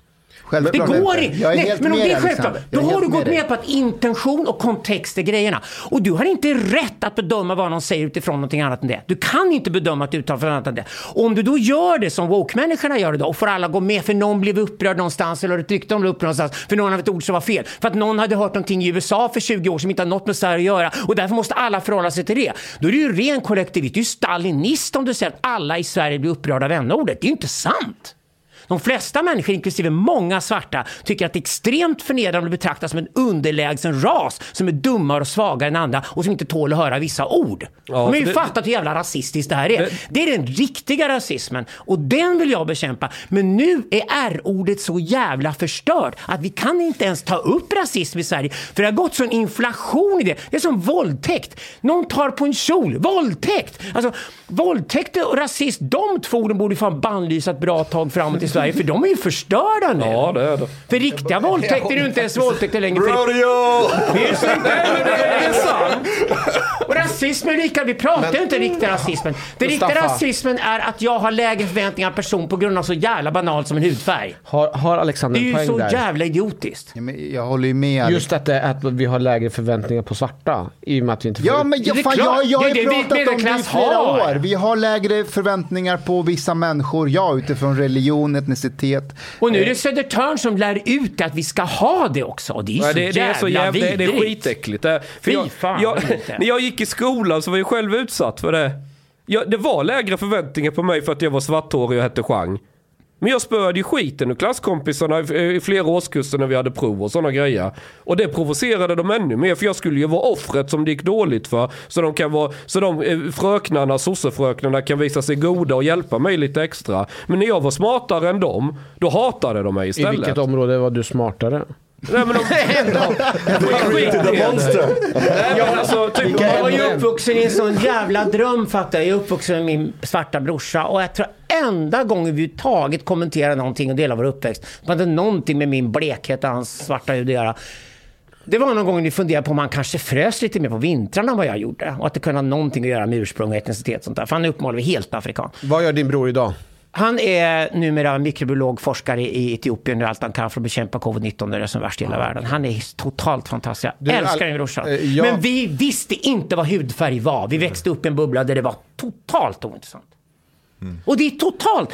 Det är ögonfärg, hårfärg, hudfärg är fullständigt ointressant. Och det vi- dit det är den mest dit- groteska dit- idén i världen, att det skulle betyda någonting. Dit vill jag också komma, Alexander. Ja. jag, jag tror att alla runt det bordet vill ju komma dit. Inte det jag. Inte jag. I was just going to say that. skojar. Okej. Men but you don't, you, but Ashkan, you don't think that it's, it's possible to happen, eller hur? Eh, jo, jag tror att det är fullt Men det, möjligt det att... händer hela tiden. Det är fullt möjligt. Jag menar bara sekunden vi, är, vi blir colorblind så kommer vi ändå hitta någonting annat som vi kan avhumanisera Alltså andra med. egentligen... Men du får ju ta det då, men Alltså, alltså, det exakt. är en sån jävla banan. Det måste bli det, det handlar ja. egentligen inte om hudfärg från början, det handlar om klass. Men man lik, många, vita medelklass likställer svarta med en underklass. Och eftersom de ska vara goda och fina så måste de hela tiden bry sig om underklassen. Och då måste de hitta sätt att visa detta utåt. För de bär det som en handväska, sina fina värderingar.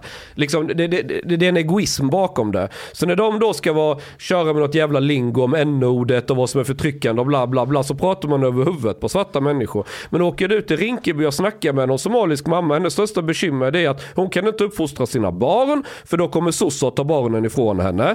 Men uppfostrar hon inte barnen så kommer de bli kriminella och skjuta ihjäl varandra. Så de är liksom mellan, de är ett klämt läge och ingen lyssnar på dem. Utan allting ska pratas över huvudet. Och projektpengar det går till någon woke leftist som ska göra något nytt integrationstjofräsprojekt. Men, men vad menar du, hon kan inte uppfostra sina barn? Därför att du, du har en somalisk kultur, vilket har mycket, kultur har mycket större, eh, eh, är mycket mer relevant än hudfärg. Ja, det, det är det som är relevant. Ja, ja, absolut. Och, och, och, men vi säger att vi vill ha mångkultur, men vi, vi hatar mångkultur egentligen i Sverige för att hur du barn i, Somalia? Ja, den är kanske lite mer örfil och lite mindre genuspedagogik.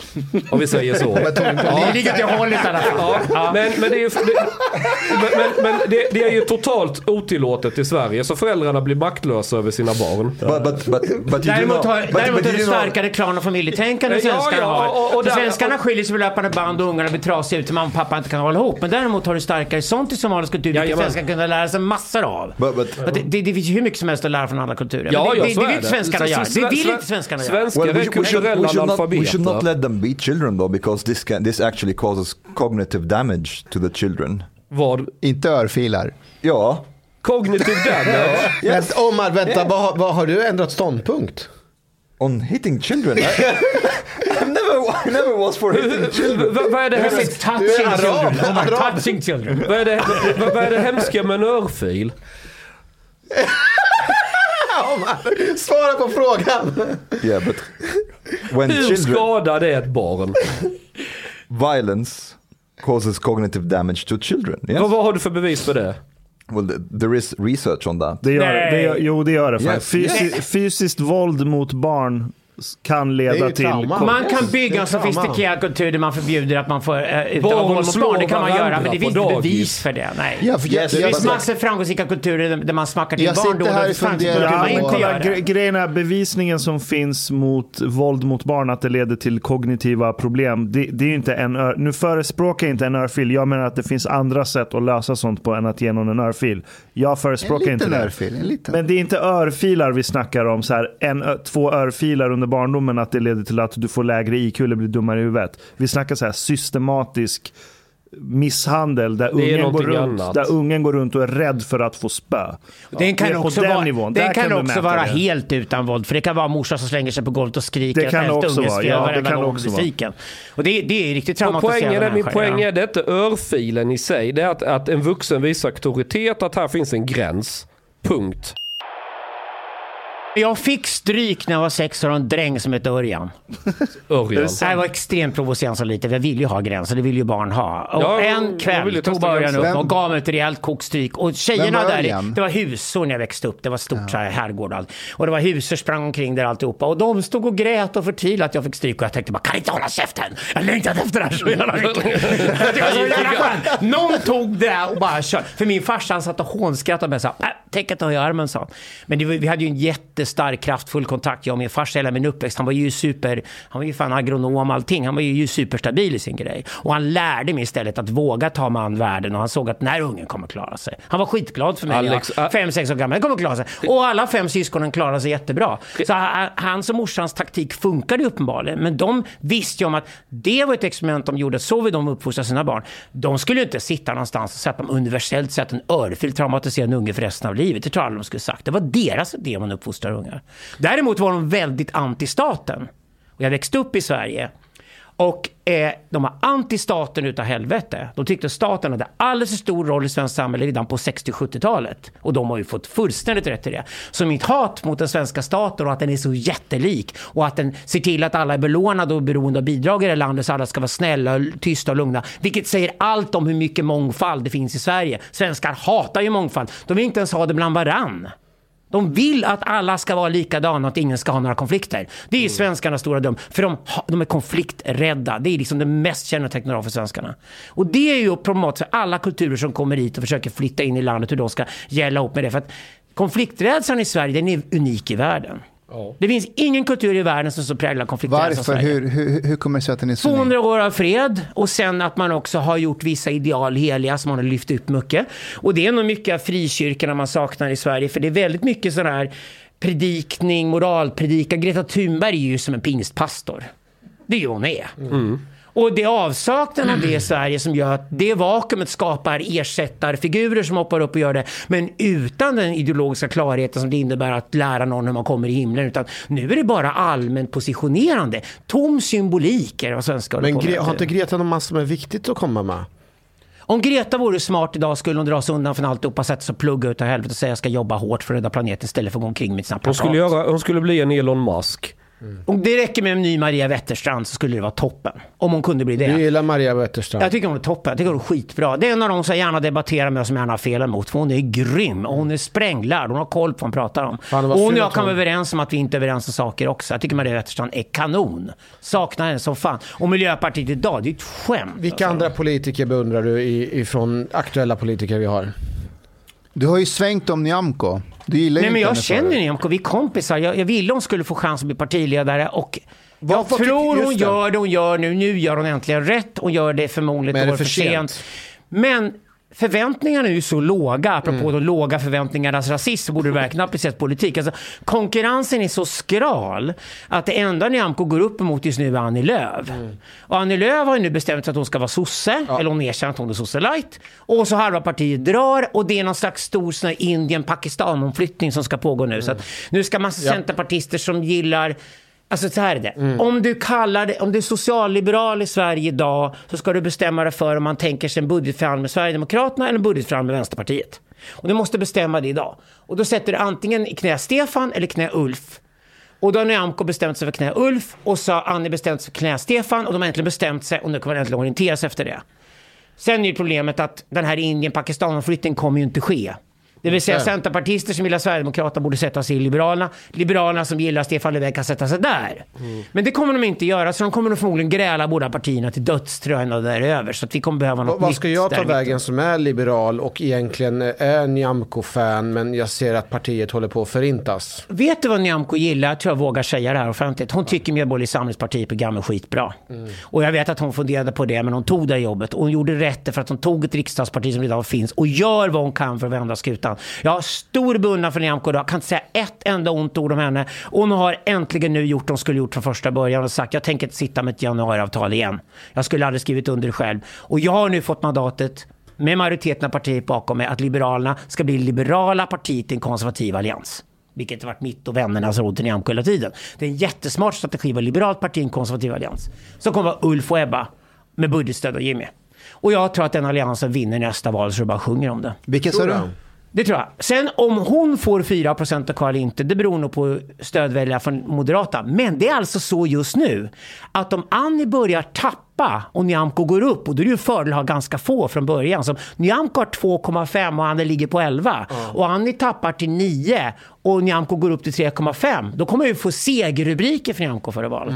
Det räcker. Så på det sättet har hon ju ganska taxat läget. Förväntningarna är nu så låga på Liberalerna som bara är en massa grälsjuka kärringar ändå. Förväntningarna är så låga att första bästa lilla promille uppåt är en signal på att hon vinner. Men de verkar, ju, de verkar ju bråka med varandra. Alltså ena sidan av Liberalerna verkar ju hata den andra sidan. Och, Ja. Ja, Ja, orsaken till att Nyamko Sabuni inte åkte till tv-studion när hon hade vunnit den här dusten internt i partiet var ju för att Anna Starbrink sattes också i en taxi och skulle minsann dit och fortsätta gräla till tv. Anna Starbrink är ju den grälsjukaste människa som finns. Och hon ska bara dra tycker jag. Varför gör inte hon som Christer Nylander hedrar och säger att jag kan inte ha kvar Nyamkos parti, inte jag längre. Men hon är väl så tjusig som tror att hon ska knocka ut Nyamko och Anna Starbrink. Omdömet är inte det bästa. samma spår också. Många andra riksdagsledamöter. Ja, men alltså, jag var inne en runda där för att jag ville att Nyamko skulle lyckas. Jag kunde inte vara kvar, det, det går inte Liberalerna. För att, eh, om jag Black Lives Matter twittrar så står ju alla Medborgerlig Samling och jublar och nu är det 5000 medlemmar runt hela Sverige. Men i med Liberalerna får ju alla skrämselhicka på en gång så det går inte att vara det, det Alexander, partiet. hur- många partier har du varit med i som du Ja, sen det har var det jag lämnat? också. Jag hjälpte Camilla Lindberg och Agneta Berliner med kampanjen mot FRA och då gjorde vi Liberati. Det var innanför Folkpartiet 2008-2010. Jag var med och skrev det roliga idéprogrammet när Annie Lööf var i farten med alla de vilda idéerna och jag skrev upptakten med det Jan Söderqvist och det var med Henrik Dahlqvist och det var Annie Lööf som tog programmet sen och så gjorde de och gjorde med det. Då var jag inne i Centerpartiet en kort period, sen höll jag mig borta från alltihopa. Piratpartiet har väl egentligen alltid varit medlem i. För det, det var Netokraterna och det var Rick Falkvinges genialitet som byggde partiet. Mm. Eh, så ja, idag så... Jag är med Medborgerlig Samling och den gillar jag att vara. Det har jag varit med nu ganska Fyra länge. att- partier har vi där i alla fall. Ja, men jag tycker Medborgerlig Samling blir ett ställe där många dunsat runt i många partier och varit besvikna. Och sen efter decemberöverenskommelsen 2016 så bildades ett nytt parti som långsiktigt kommer bli det riktiga borgerliga partiet i Sverige. Och Medborgerlig Samling, det är rejäla gubbar och kärringar och de har betalt av sina lån och de är oroliga för Sveriges framtid. Och de kan se skillnad mellan invandring och integration och förstå att det är olika saker. Alexander, det är så här, jag, jag går igenom varje parti så får du säga varför du inte skulle vilja vara med i det partiet. Men också säga något positivt om partiet, okej? Okej, ja, Okej? det var kul. Ja. Eh, vi börjar med Vänsterpartiet, Nooshi gillar jag. Fart på henne. iranier. Ja, ja, ja. ja. Det, det, det, det, är det är första som Maria Wetterstrand. tänker Rolig på. debattmotståndare. Det första jag tänkte på med hennes tuttar, det första du tänker på att hon är iranier. Ja, Okej. Kajsa ta är likadan. Vänta nu, Men stanna kvar. Kajsa Ekis-Ekman och Nooshi Dadgostar vill man ju ha som... Nej men det är det enda positiva. Jag har inget positivt att säga. Vänsterpartiet, ingen har läst Karl Marx i partiet och då är det inget vänsterparti. Så namnet är falsk marknadsföring. Det är ett woke-parti. Okej, Socialdemokraterna. Jag tycker Jan Emanuel Johansson verkar vara deras enda hopp. de och resten ju honom, eller- Ja, men då får väl han lämna partiet och gå med i Medborgerlig Samling, vilket han kanske borde göra. Men nu vill väl han köra någon slags frifräs där. Jag vet att Göran Persson gillar honom. Göran Persson var bra. Efter Göran Persson Sen fanns Jan Emanuel. Sen är det nattsvart för mig. Jag hatar Socialdemokraterna idag. Jag tycker det paret Annika Strandhäll och Morgan Johansson är vedervärdiga. Nu är de inte ett par säger de, men skitsamma. Ja, vad- whatever. Okej. De är inte ens det. De får inte ens ligga. Om de minst hade haft det. Sverigedemokraterna. Vet jag vad jag har någonstans. Man kan snacka med Jimmy. Eh, lite kul killar där som rör runt det lite grann och säkert tar för sig. Dansbandskungar skulle jag kalla dem. Eh, jag gillar de där snubbarna bakom. Det går säkert att göra affärer med dem och dealar. Men jag är inte sverigedemokrat. Varför? För att, därför att jag tror inte på stängda gränser. Jag tror inte vara rädd för människor som ser annorlunda ut. Eh, så att jag är ju Medborgerlig Samling-medlem och det är ju, jag brukar säga så att det är ändå Sverigedemokraterna man får lära sig av. För de plockade upp den svenska arbetarklassen sossarna sket på dem. Miljöpartiet då, förutom Men- men- Daniel Heldén. Jag brukar säga så här, det är en bra vandrande, att Sverige, det Sverigedemokraterna gjorde för varmkorven, det måste Medborgerlig Samling göra för sushin. Okej. Då tror man fattar. Miljöpartiet då, Ja. fast lämna Daniel Heldén åt sidan, vi tar det separat. Äh, Miljöpartiet, det är... Nej, Märta Stenevi nog. Ni vet om att hon, var det hon som hittade på queerbaden i Malmö? Ni vet om att inga queermänniskor går på queerbaden? Det är inga bögar och flator som går på queerbaden. För det är påhittat av en vit heterosexuell medelklasskvinna som tror vet vad queer. Alltså det är sjukt att det Miljöpartiet. De, de vet inte ens vem de pratar för. Och jag måste vara imponerad av vad heter Daniel Hedén i Stockholm som tagit över hela stan och kört över allt och alla och bestämmer allting. Han är Och bara kör bilhat som sin enda politik. Alltså Medborgerlig Samling måste ju lyckas i Stockholm. De har en enda fråga de behöver köra i valet. Medborgerlig Samling, jag tror de är 2% nu, 3% in i stadshuset. Allt de vill göra är att köra frågan, vi vill bygga en tunnel mellan Nacka och Lidingö. Om de bara kör den frågan vinner de. För halva Stockholm är fullt av förbannade bilägare som hatar Moderaterna idag. Miljöpartiet är ju det är den värsta kombinationen av idioti och arrogans. Och min brorsa, min yngsta brorsa bor på landet och han har jaktgård och bor i skogen och han talar om för mig, inom 50 mils radie för min skog hatar vi miljöpartister. Alltså, de hatar dem på den svenska landsbygden. Det är storhetsvansinniga småborgerliga storstadsbor som gör ingenting annat än att mörda svensk landsbygd just nu. De gör allt för att mörda De svensk tänker landsbygd. på miljön. Jag Nej, de miljöpartist. ska bara bygga nationalparker överallt och få allting fixerat och allt ska stoppas. Ingenting ska byggas. Tänker på miljön. De lägger miljarder på att bygga en förbifart Stockholm för dieselbilar som när den står klar finns ingen dieselbil kvar på svenska vägar. Och när de jag sa det till. Gustaf Fridolin hade han inte ens tänkt på det. De vill ju stoppa förbifarten. Ja, det vill de ett tag också. Men sen rullar den ut i alla fall. Och vad gör de då? Bygger någonting som dieselbilar ska rulla. Det inte ens handla om dieselbilar i framtiden. Du skulle bygga fler vägar för det kommer elbilar överallt. Varenda snorunge har en egen bil i framtiden. Nej, det kommer så tvärtom. mycket bilar så liknar ingenting. Kommer det inte kommer vara- vi visst ha. Kommer det inte vara sån här app där man kan bara få till eh, så att det kommer bli som en taxigrej? Att de kommer, man behöver inte äga det. Nej, för om du någon gång haft blöjor med och småbarnsförälder vill ha en egen bil för du ska ha jävla skitblöjor någonstans. Du vill ha en egen bil i alla fall. Vi kommer ha så mycket bilar i framtiden och ha så dåligt byggda vägar och så få vägar och så få parkeringsplatser och folk kommer bli galna. För bilen är samma sak som bostaden förutom att den rör sig. Okej, det, sen- är världens enklaste idé att fatta Centerpartiet. det. Hata Sen- Miljöpartiet. Centerpartiet. Hej, snacka inte skit om Miljöpartiet, de är bra. Jag har röstat på dem många gånger. Jag Riktiga, gillar- riktiga, Det där sa inte du, det hörde inte jag. Han sa M-ordet. Han sa M-ordet. Jag, jag, jag försöker vara djävulens Du förstörde advokat allt har ni. Jag skulle säga jag det. Jag skulle försöker, jag som försöker bara vara djävulens advokat här. Jag har faktiskt röstat på Miljöpartiet. Jag ville, Getgrytan kokade just över. jag ville vara djävulens advokat. Centerpartiet. Och säg något positivt om dem också. Centerpartiet. Ja, Annie Lööf är skitbra. Alltså, Vad har du emot Annie Lööf? Nej, personligen mot Annie Lööf, hon- hon är rätt färgstark. Jag vet inte om vi är kompisar eller inte just nu. Jag vet inte om vi hälsar eller inte. Det har hänt en del. på YouTube Vi har varit polare och jag gillar hennes Wave at the guts. camera. Liksom. Men alltså, Jag tycker de passar i rött hår och grön klänning. Jag tror till och med jag gav henne rådet att hon skulle passa i det om jag ska vara helt ärlig. Nej men hon, hon, hon kör väl någon slags, nu ska hon bli sosse-Thatcher jag hon ska vara. Men- men hon kommer nog klara sig. Nackamamman röstar på Alltså hon kör beröringsskräcken. Och det är en kvinnlig härskarteknik. Och det betyder att en väldig massa kvinnor tycker att det är alldeles vulgärt av Mimmi Åkesson att göra. Och Sverigedemokrater är jätteäckliga. Det är riktig rasism, Sverigedemokrater ser man ner på. Så att jag tror att arbetarklassförakter i Sverige som finns i svenska medelklassen, det är det Annie Lööf spelar på. Och jag tror att de arbetarklassföraktande nervösa medelklassmänniskorna kommer gå med Annie och Centerpartiet och det räcker nog för 10 procent i Sverige. Så att jag kan inte säga att hon gör något fel strategiskt, men jag vill inte delta i fraktkulturer. Jag vägrar delta i fraktkultur och det bygger hon i Centerpartiet. Men, men är inte Annie. Lööf en sån där människa som gör precis det PR-folket runt henne säger att hon ska göra? Eller är det, är det Titta på deras ser? kampanj, man använder ju barnspråk i kampanjen Centerpartiet. Ungefär som att alla väljare är åtta år gamla. Det tror ju deras, men deras väljare Men en bra, grej, en bra grej ska säga, här är en bra grej. Januariavtalet var Centerpartiets stora trumfkort. De lyckades. Martin Ådahl och Annie Lööf lyckades förhandla till sig. För titta den politik som förts av regeringen Löfven sedan dess. Så utan att Centerpartiet sitter i riksdagen är det jäkligt mycket en Centerpartiets politik. Och jag tror faktiskt Annie Lööf vill genomföra saker. Hon är både maktmänniska och hon är en verklighetsanknuten när det gäller makt och politik. Jag tror det bästa med Centerpartiet är att Annie Lööf valt sida, sitter med sossarna och hon kommer kräva att sossarna och Centerpartiet ska bli regeringsalternativ mot Ulf och Ebba efter nästa val.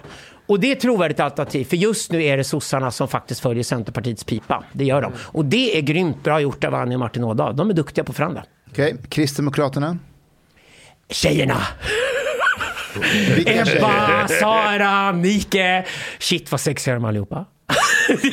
men de är en tunn fasad, men just nu styr ju Ebba med järnhand. Hon fick ju ut Adaktusson och hans galna pingstvänner som skulle skapa Armageddon i Israel och skulle göra. Så hon sitter ju kvar nu med Kristdemokraterna är idag tjejer som vill vara balla, vita, Texas-republikanska brudar i USA, gifta med rika män och köra sportbil. Det är vad de är. Får jag göra ett Så det är ju sex mycket i det. Det, är finns ingen där som vill åka med någon med en Impala-cabbe från 65. Nej, det är inte det man kör. Man kör sportbil i Texas idag faktiskt. Tjejerna på KDU. Det är nog Tesla till och med. Men, De men är- eh, De är duktiga också. jag älskar Sara Skyttedal. Jag tycker Sara Skyttedal är fantastisk. Henne litar på 100%. Hon är grym. Eh, Jag, jag har hört att Sara Skyttedal är mer ond än vad hon ser ut att vara.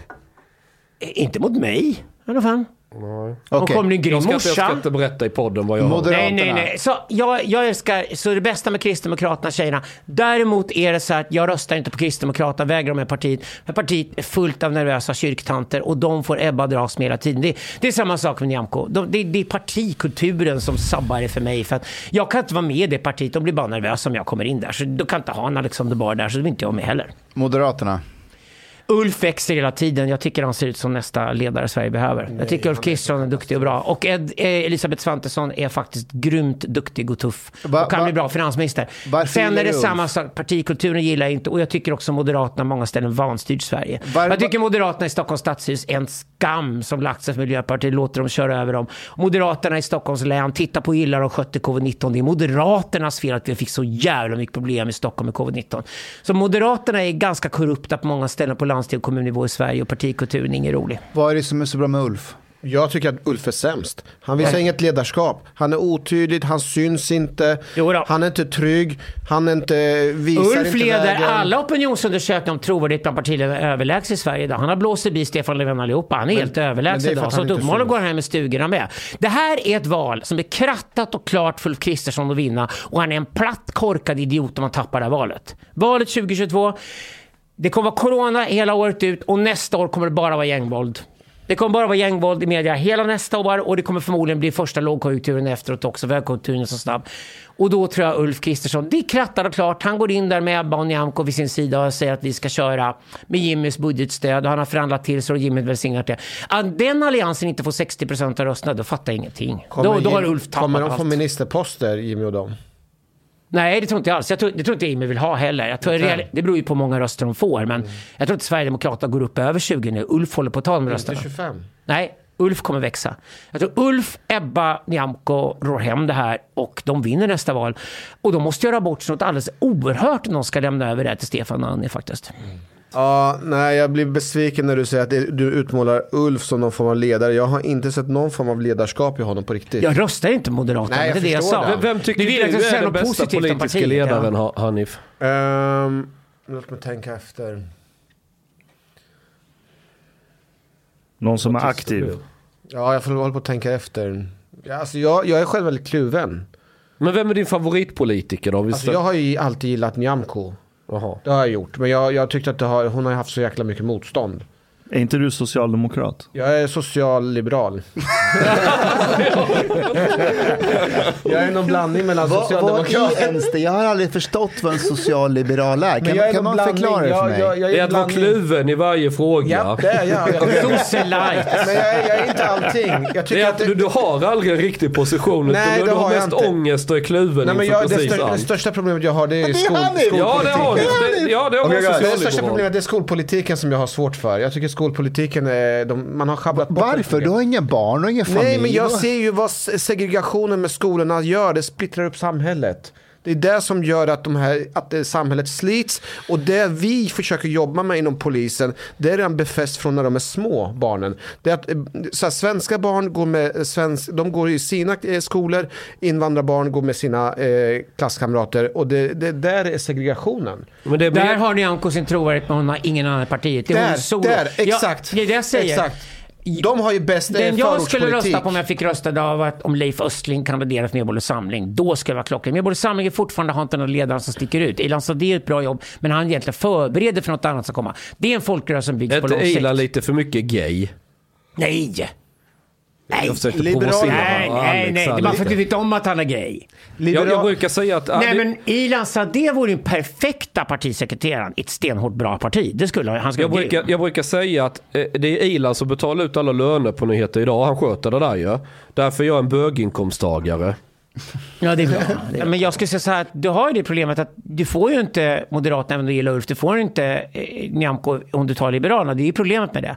Annars skulle jag säga att definitionen av socialliberal är någon som säger att vi borde sänka skatterna i valkampanjen och sen efter valet så säger de nej förresten, jag och mina bekanta har så många nya jobb vi skulle vilja ha för staten så att vi ska behålla skatterna höga. Det är socialite och det är socialliberal i Sverige. Så skatterna sänks aldrig. För socialliberalerna själva kommer nära makten, de vill själva ha en massa pengar. Du menar att de är en del av Marcus Allards transferiat? Absolut. Okay, guys, let's go there. Alexander, what do you think of Islam? Fight! Ja, först, nej, men jag, jag är ju zoroastrier. Jag är ju zoroastrier. Det är ungefär som att fråga... Nej men så här är det. Så här. Det är som att fråga en Kom igen nu. Mustafa! Nej Mustafa, varför inte? Det är som att fråga en jude vad de tycker om kristendomen. Jag är alltså zoroastrier. Jag konverterade 1992 och jag kan Mellanösterns historia och skriver en bok som kommer tokhylla Mellanöstern. För det är väst egentligen. Europa är ett litet appendix till Mellanöstern. Så jag håller på med Mellanösterns historia, historiska hjältar. Berätta lite grann om våran his- berätta om min historia och min religion som inte jag känner till. Islam, okej. Det är Men- nej, Zoroastrian och persisk kultur. Okej, okej. Det, det kan jag hålla på med i timmar. Ja, gör det. Börja, Men okej, höra. Jag vill bli inspirerad. 1700 år före Kristus händer någonting väldigt spektakulärt i Centralasien. Det dyker upp en liten snubbe som heter Zoroaster på grekiska, Zarathustra på fornpersiska. Mm. Och Zoroaster har en kompis som heter Vishtaspa. Och Vishtaspa råkar bli kung och ärva ett litet imperium i Centralasien. Och då sitter de i 24 år inlösta ett rum och kommer på att de ska bygga den första världsreligionen. De kommer helt enkelt på att vi ska bygga en ordning för imperium. Det var det. Och det är därifrån ordet filosofi kommer. Så det finns ingen skillnad mellan filosofi och religioner. Ordet filosofi på fornpersiska heter masdayasna. Jag kan alltså avesta, precis som man kan sanskrit om man studerar indisk historia, lärt mig fornpersiska. Så att masdayasna betyder kärlek till visdom. Och det kopierar... Masdayasna? Masdayasna betyder kärlek till visdom. Och det kopieras 1200 år senare av grekerna och kallas filosofia på grekiska, mm. tjusigt och filosofi. Och sen är halva grekiska filosofihistorien persisk egentligen, bara så ni vet det. Herakleitos och Pythagoras och många var perser, de var inte greker. Vi har haft en grek här i, med oss nu. Ja, men, jo, men de kommer sen. De, får, de är bra på teater. Grekerna har gjort andra saker. Drama är de bra på. De är som kvinnor. Män försöker filosofer, kvinnorna är bra på drama. Ja, så det, det, det, ja, okej, men, men eh, sen efterifrån det så får du Mellanösterns historia växa fram. Och i, i det sista, i Sassanidimperiet som är sista persiska imperiet, som var ungefär från vår, vårt år 0 till 600-talet, så har vi Sassanidimperiet. Och då är det det största imperiet i världen. De har romanimperiet västerut, de har indiska, kinesiska imperiet österut. Men Sassanidimperiet ligger, det är världens centrum på den tiden. Och där börjar det uppstå lite olika kulter, framförallt två figurer som heter Mastak och Mani. Och där är början på det vi kallar woke idag. Så manikéerna blir en väldigt populär kult som sprids över hela Mellanöstern och upp i Europa överallt. Och manikéerna hatar kroppen och det fysiska livet och drömmer om en annan värld där de ska vara fria andar och segla iväg. Så de är platonister som tar Platon hela vägen fullt Var ut. inte Mastak den första kommunisten också? Jo, sen kom Mastak. Så det var Ah, okej. Mani. Ah, okej, och den okej. andra jäveln heter Mastak. Och Mastak han var en högfärdig jävel som tvingade folk att gifta sig mellan klasserna alltihopa och skulle platta ut hela samhället och alla skulle fördela resurserna jämnt. Han var alltså Stalin långt före Stalin och han gjorde allt det här på 400-talet. Och ett tag var han på väg att ta över hela Persimperiet innan man satte stopp för Mastak. Zoroasterna gick efter både Mani och Mastak. Därför att zoroastrismen är en monistisk religion. Så det betyder att man tror att det finns en värld. Allting i den världen hänger ihop. Och finns det någon gud så är Gud någonting som skapar sig självt. Det Spinoza har det här arvet i europeisk historia sedan för han blev lärd av sufier. Så sufismen har en stor del av det här arvet kvar. Och sufismen skapas alltså långt innan islam och sufismen mm. är en hybrid mellan zoroastrismen och buddhismen. Och buddhismen uppstår så småningom förmodligen i Afghanistan eller norra Indien någonstans däremellan. Och buddhismen kommer som en respons i filosofisk skola, som respons på zoroastrismen. Och parallellt mellan de två, zoroastrism och buddhism, det studerar väldigt mycket i deras gränsland mellan varandra, så påverkar de varandra oerhört fram till idag. Om du läser till exempel Vairayana buddhism, som är buddhismen i Tibet och Mongoliet, tibetansk buddhism till exempel, så är den totalt zoroastrism och buddhism förenat. Ni lär till exempel zen, som alla killar gör idag som är intresserade av militär och sånt där. Zen i Japan, shan i Kina, eh, Zeon i Korea. Alla de traditionerna är blandningar av zoroastrismen och buddhismen. Och det är även taoismen som utvecklas sen i Kina. Så du får en religion längs hela sidenvägen. Och den religionen förändras lite grann mellan varje oas du kommer till. Och du bygger små kasthags där, så intill bordellen och värdshuset i varenda oas så låg det en kasthag. Där du rensade ur skallningen och åkte vidare från alla dåliga affärer du gjort och alltihopa innan du åkte till nästa ställe. Så det är så andlighet uppstår från början. Det- Det kompletterar bordellen och värdshuset längs handelsvägar. Och de här traditionerna är det som kallas taoism i Kina, lite zoroastrism i Persien, Afghanistan och Centralasien och lite buddhism i Indien. Det är de traditionerna. De här buddhismgrejerna lägger man på senare i historien. Men du har gradskalor och olika traditioner. Men nästan alla de här religionerna som utvecklas är monistiska. Och det ligger starkt monistiskt arv i sufismen också. Sen kom då den här Mastak och sen gjorde man sig av med honom. Man till och med avrättade honom. Så Rasna gillade inte honom alls.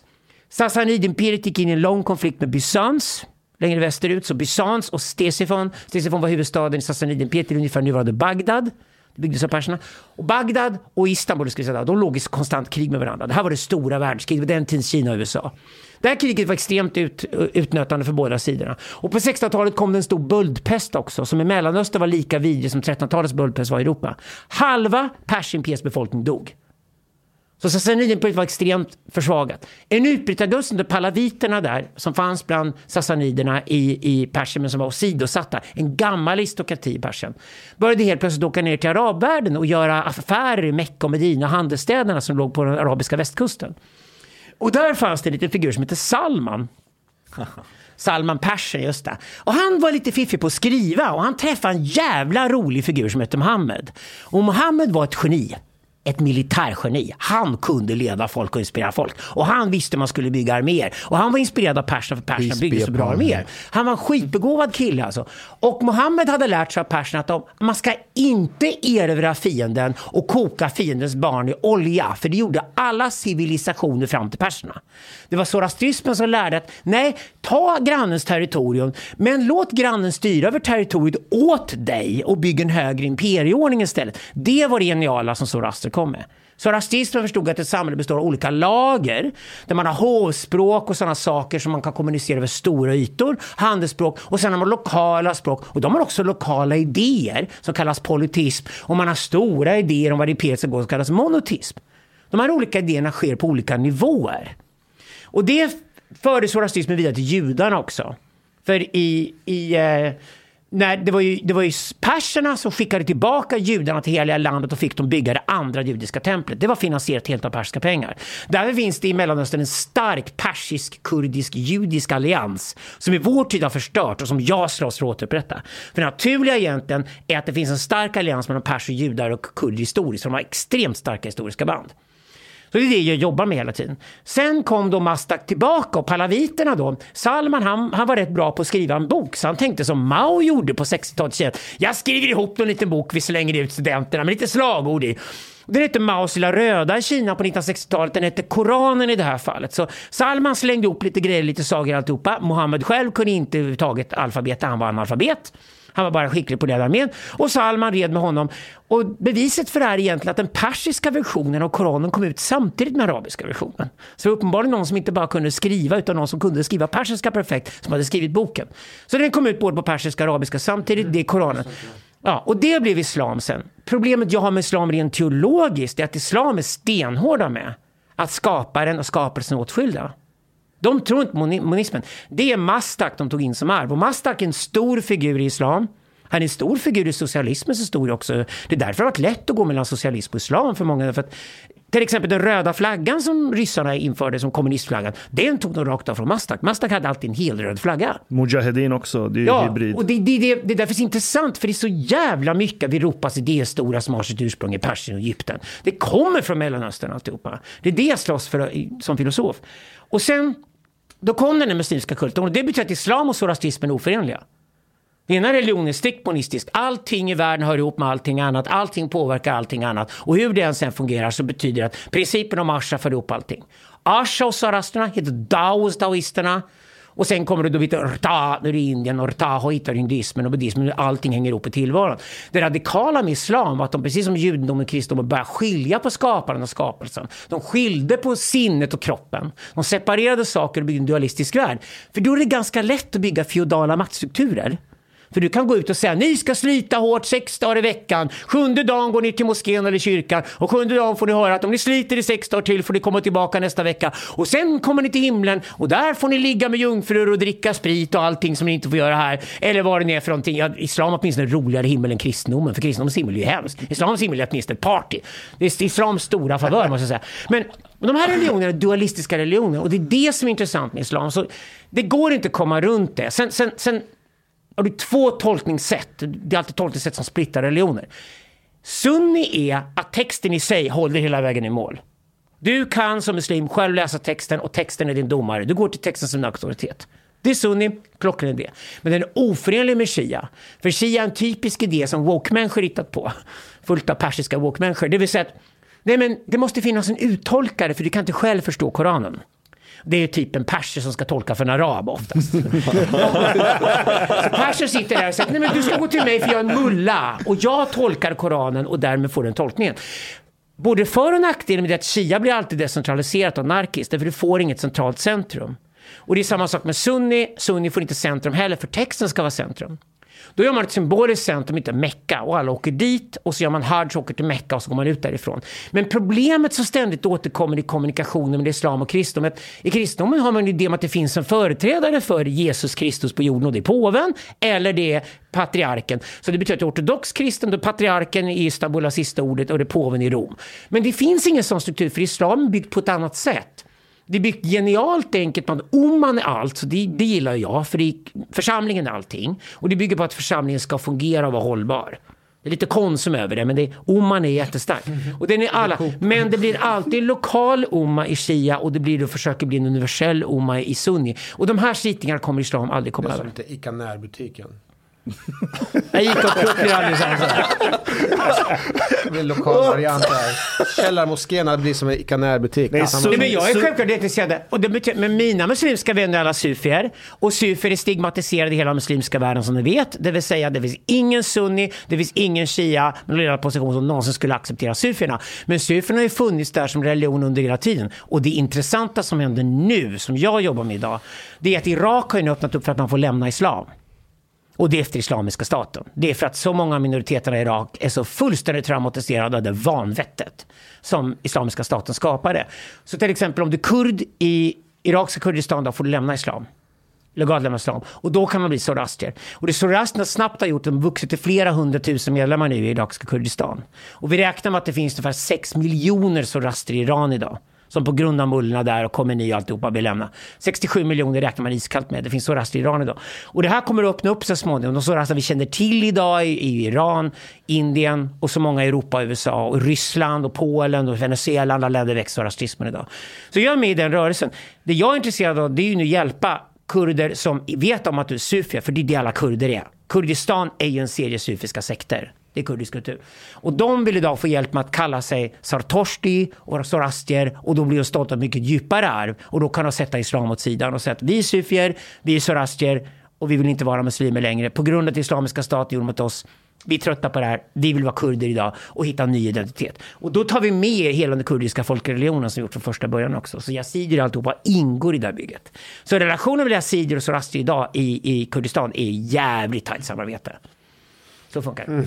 Så det är det jag jobbar med till vardags. Du, du jobbar med att lösa världsproblemen.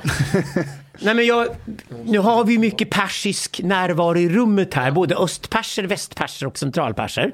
Så det, det är klart att det är intressant, för jag har ju blivit, jag har liksom blivit så att säga, ingift i den kulturen på grund av det arbete jag gör. För mig handlar det om att äntligen få en historia mellan öst och väst som funkar. För jag fattar när jag börjar med filosofi att min generation kan inte börja med grekerna. Vi kan inte sitta en gång till och låtsas att grekerna hittar på filosofin. Det är sjukt, det är bisarrt, det är inte så alls. Asien var flera tusen år före grekerna med allt. Och det enda Du, sättet tror att du erkänna att det- Alexandra Pascalidou håller med dig om det du precis sa? Nej men hon, är inte hon någon slags grekneger nu då, eller något sånt där då? Ja, för hon är ju grek, men hon vill ju vara getto samtidigt. Är inte Alexandra Pascalidou åker till Kärrtorp och demonstrerar och påstår från orten fast de bor på Östermalm i hela sitt liv? Mustafa, kolla Mustafa. Ja, men, Jag, jag, tror vi har ett bättre. ja, men det är för att hon inte får vara... Hon, hon vill ju vara en ordet men kan inte vara en ord för ingen trovärdighet. Hon är en Östermalmsbrutta som alla andra. Hon har lämnat orten. Okay, wait, wait, Hon har wait. lämnat orten för väldigt, väldigt, väldigt länge sedan. Before, before, before we leave, wait, wait, wait. Listen, a, a more interesting discussion on Islam. Before we leave the uh, Islam topic, how do you think is the interaction between Islam and Western culture, or Islam within the Swedish culture today? Jag jobbar med muslimer idag och de projekt jag jobbar med idag konkret är det är typ Qatar Foundation. Så de jobbar idag med att hitta, föra dialog med västerländska filosofer som är high-end och sen försöka reformera islam. Och göra det fort. Och jag tror det kommer mycket fortare än folk tror. Det bästa med islam idag är att åka till Kairo och sätta sig ner och kolla på YouTube i Egypten och se den lokala atmosfären. Idag sitter tjejerna på YouTube i Egypten och slänger av sig slöjan. Och säger min farmor hade ingen slöja alls. Och de börjar prom- promota vi skulle kalla en sekulär form av islam i Egypten idag. Det här går jättefort. Saudiarabien vill gå i den riktningen. De kan inte bygga sina stora nya Dubai de ska ha om det inte finns sprit och det inte finns sexliv och alltihopa där. Det går liksom inte att bygga liksom ett nuckernas Dubai. Det fattar saudierna. Så att Ska vi öppna bordell i Egypten? jag tror att det är så här idag. Att jag tror islamismen är kvar i Europa och mycket större problem här nu än vad det till och med i Mellanöstern. Jag har en fundering. Och framförallt har det, jävla giftet flyttat till Afrika. Och de värsta ställena i världen idag, det är Boko Haram i Niger, Niger och Nigeria. Och det är Mosambik. Det är tragedier hur Isis har flyttat in där. Där är problemet idag. Och det är för att de drar från arabvärlden. De har inte mycket att hämta där längre. Du har en helt ny, ung, digital generation i hela Mellanöstern idag. Och sen, jag var med i Gröna rörelsen. Det nästan höll på att gå så att mullorna föll för 11 år sedan. Men sen kom de tillbaka och importerade kinesisk övervakningsutrustning och polisstaten var tillbaka. Men den stora, viktigaste grejen i världen idag det är om mullorna faller i Iran. Det skulle ju förändra hela världskartan på två sekunder och det är det jag hoppas på. För jag vet att det finns miljoner unga iranier som skulle bara explodera av entusiasm och släppa fram en helt ny energi i Iran.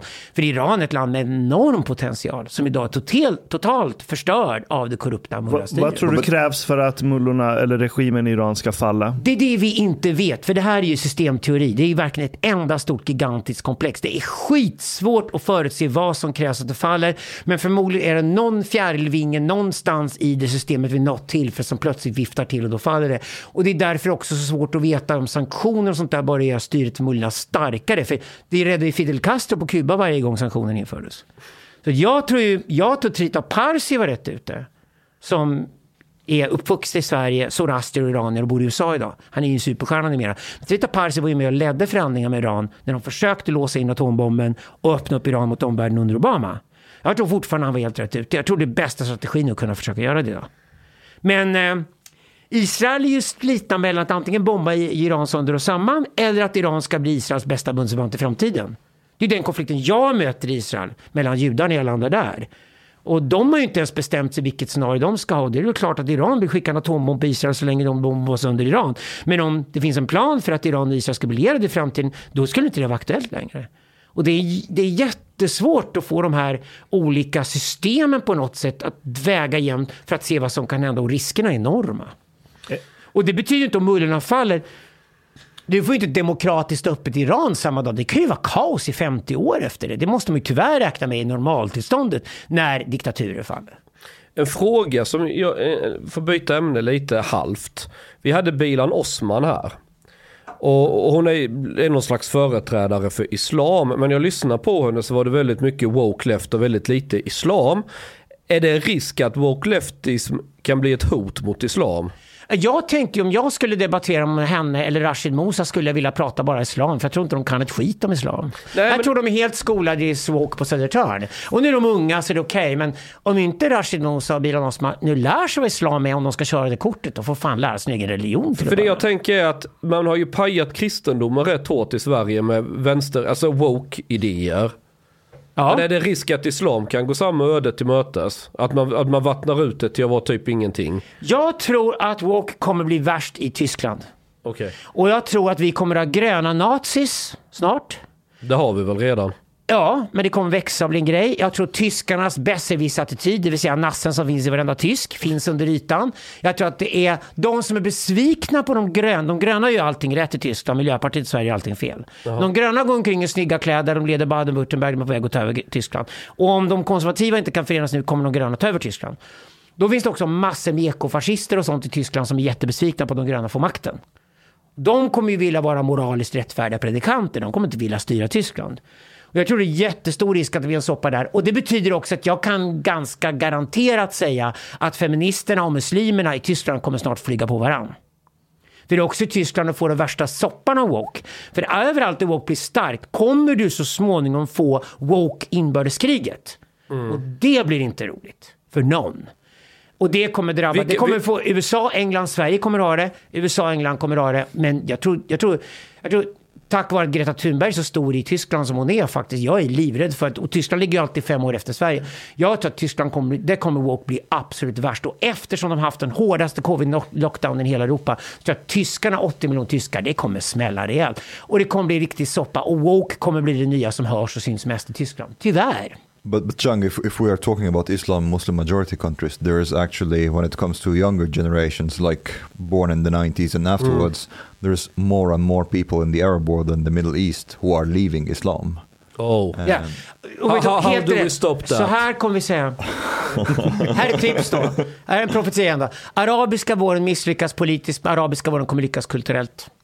Arabiska våren är startskottet för digitaliseringen av Mellanöstern. Det är så vi kommer ihåg den. Och den föregicks av gröna rörelsen i Iran. Vi kommer säga samma sak, gröna rörelsen 2010, att den floppade politiskt. Men det var det kulturella startskottet för något som nu ligger och gryr under och kommer, kommer explodera småningom. Jag har stort gott hopp för Mellanöstern. Jag tycker det är svårare med Europa.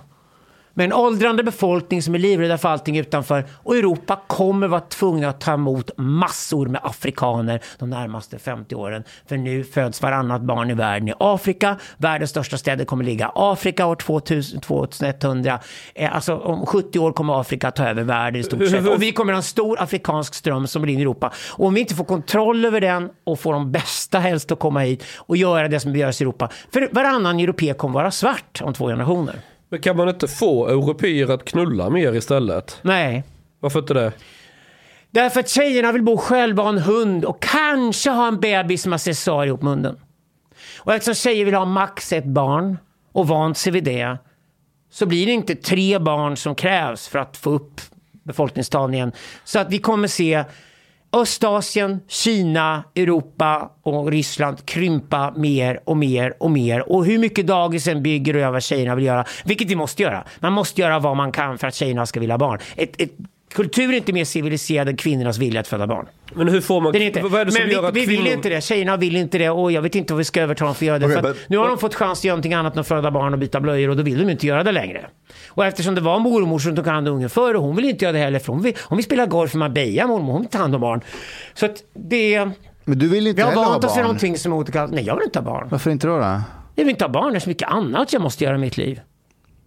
Tänk om alla Dessutom är det så att jag så. adopterar ju barn såklart, men jag plockar dem när de är 20. Men hur, hur får man tjejer till att vilja föda mer barn? Går det? Nej, det går inte. Ge dig. Nej. Alltså får du importera afrikaner. Men om afrikanerna tröttnar på att föda barn då? Nej, det är snarare som kanske tröttnar på Europa och kanske får vad de vill ha i Afrika.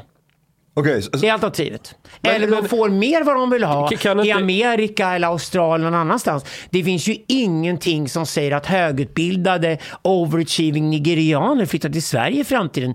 Det har inte varit så trevligt hittills att flytta hit för dem. Det är ju bara en massa nervösa medelklassmänniskor som springer omkring och gafflar med n-ordet, men det är ingen som välkomnar afrikaner i Sverige, vilket jag vill. Eh, Så jag vill ha fler afrikaner i kan Sverige. inte Vi behöver islam dem. vara lösningen då på att få kvinnor att föda fler barn? I Sverige? Traditionella värderingar liksom. Du ska stå vid Nej, spisen och nej, laga nej, mat. nej. I Mellanöstern idag faller födelsetalen dramatiskt. Islam betyder inte att kvinnor vill ha massor med barn. Nej. Nej. De, de, det, är det som händer nu. Mellanöstern tappar också födelsetalen. Det är inte Mellanöstern som har de största städerna i framtiden och sånt där. Det är Sub-Saharan Africa som är världens centrum om hundra år. Det är odiskutabelt. One thing that, that caused me a bit of cognitive dissonance is that supposedly Sweden is supposed to be a very sexually liberal society, although I see that um, there is a very strong movement of sex negativism Ja. uh, in, in Sweden. Tänk om en 19-åring ligger med en 17-åring, då måste vi avrätta honom för det. Det är ju där sexmoralismen idag. Det är de nya bisarra gränserna där sex är farligt och sex är hemskt och sex är ondska. Det är ju bara att få tillbaka sexmoralismen. Men den, den är som all moralism, den letar bara en yta där den kan få hålla på med sitt. Det är som, jag tror du, Ashkan, du också pratar mycket om det här med homosaser, att ett samhälle kommer alltid leta efter någon som man får trampa ihjäl utan att någon reagerar. Och i vårt samhälle är det sexarbetare och narkomaner. Ja. De får man behandla hur illa som helst. Speciellt om man är sosse. De kan vara totalt känslokall mot dem. En sosse kan trampa ner en sexarbetare, trampa ner en narkoman och mörda dem mycket de vill med gott samvete. För då är man sosse. Okej, så det är homosaser i vårt samhälle idag. Och det är samma sak med moralismen. Moralismen är ju en kyrktant som är arg på att hon inte får ligga. Det är Nucka. Hon är arg och bitter och ilsken och hennes gubben till sitter och rädd och gör som hon vill. Och de två ihop, de vill ju bara hitta någonting de kan hetsa upp sig över och moralisera mot för att det är ondskan själv. Och sex är det perfekta ytan för det. Och får man då inte hetsa mot en bög? Jo, man får hetsa mot böger om man knullar runt och sprider sjukdomar så han måste giftas och bli Jonas och Mark, fast till och med de ligger runt. Han måste giftas och göra som andra gör. Då är det okej att vara bög. Så de har bestämt villkoren för det. Det de gör idag, det är de nya bisarra gränsdragningarna som att 17-åringar som har fullt utvecklat sexliv och liksom är kåta som fan, de får inte ligga med någon som är 18, för ligger de med någon som är 18, då är det kriminellt och helt plötsligt är det stora krigsrubriker. Det är helt vansinnigt. Men så är det nu. Det är bara där de nya konstiga gränserna uppstår som är helt orealistiska. Well, I try to see like how these two parts go together, but uh, it seems to me that there has been some. Th- there's an ongoing attempt here in Sweden to desexualize sex and sexuality in a way. Yep. To to try to to like basically remove the the the physical sexual aspect. For example, like let's say being attracted, sexually attracted to the female body is considered something disgusting uh, in a way that it, that reminds me a little bit of actually Islamic sexual puritanism, Islamic conservatism in the same way. And I think that th- it- it's a pendulum that has swung too far. They, there was this attempt to try to, to um, how to say, to change the, the sexualization of the objectification of women uh, that swung too far to the extent that Vänta, the attraction det, det to the physical funkar. Det är inte aspect. så det funkar. Varje gång en kvinna ställer sig till med debatt och säger att hon är trött på att betraktas som sexobjekt, så säger så här, vad ska då titta på det för? Okej? Vi är sexobjekt allihopa. sexobjekt. De Män vill vara vill vara det. sexobjekt. Män vill vara sexobjekt också. Vi vill vara sexobjekt. Är vi inte det, då är det riktigt illa. Så att Jag när är tjejerna säger, varför ser Jimmy." män på mig sexobjekt? Det ska de vara glada för, för det är bästa förhandlingsposition de kan ha. Orsaken till att män lyssnar på kvinnor överhuvudtaget och gör som kvinnor vill är för att de vill ligga med kvinnorna. Det kallas pussy power. Om man inte fattat det, de är dum. Det betyder att det är bara ett dubbelspel. De kvinnorna som säger att de är trötta på att kvinnokroppen objektifieras, då skulle det bli rasande om den inte blev objektifierad. Men de vill att man inte pratar om det för de vill spela på det. Det är det de gör hela tiden. Och det är ju samma sak när de sätter tält över en kvinna. Jag sätter tält över alla kvinnorna. Det är klart att den unga kvinnan ser till att hennes tält är lite tajtare. Och lite mer kurvor. Och det blir sexigt utav helvete. Som alltid, det är mycket sexigare med kläder på med kläderna av. Som varenda porrstjärna vet om. Så det är det islam, är ju fullt av sex. Och man ser till och med när snubbarna står framför en i hissen i, i Dubai när man ska åka upp för hissen. Och man har sett att de tar på sig en extra tunn vit jävla tunika över kroppen så man ska se röven på dem. För man ska bli kåt på att knulla röv. För det gör arabkillarna på varandra hela tiden. Det är ju det är ju fullt av sexuella signaler i arabisk kultur. Den är ju, det osar ju sex just när man säger att här är ingenting objektifierat. Det är ju så sex funkar. Det här är ju bara ett larvigt svenskt dubbelspel. Men vad det handlar om, det är två olika krig det handlar om. Det ena kriget där vissa kvinnor krigar mot män för att få fördelar. Kvinnor älskar försörjningskanaler. Okej? De gillar inte jobb, de gillar försörjningskanaler. Så de gillar det. privilegier, ja. Och de vill bli försörjda eller försörja sig själva. Bara försörjningskanaler och kan vrida på så de kan gå och köpa skor. Det är vad kvinnor vill. Helt rätt. Det är vad kvinnor Så att de vill ha de här försörjningskanalerna och det bästa som de kan göra det är bara helt enkelt se till att det är svårt att komma åt fitta.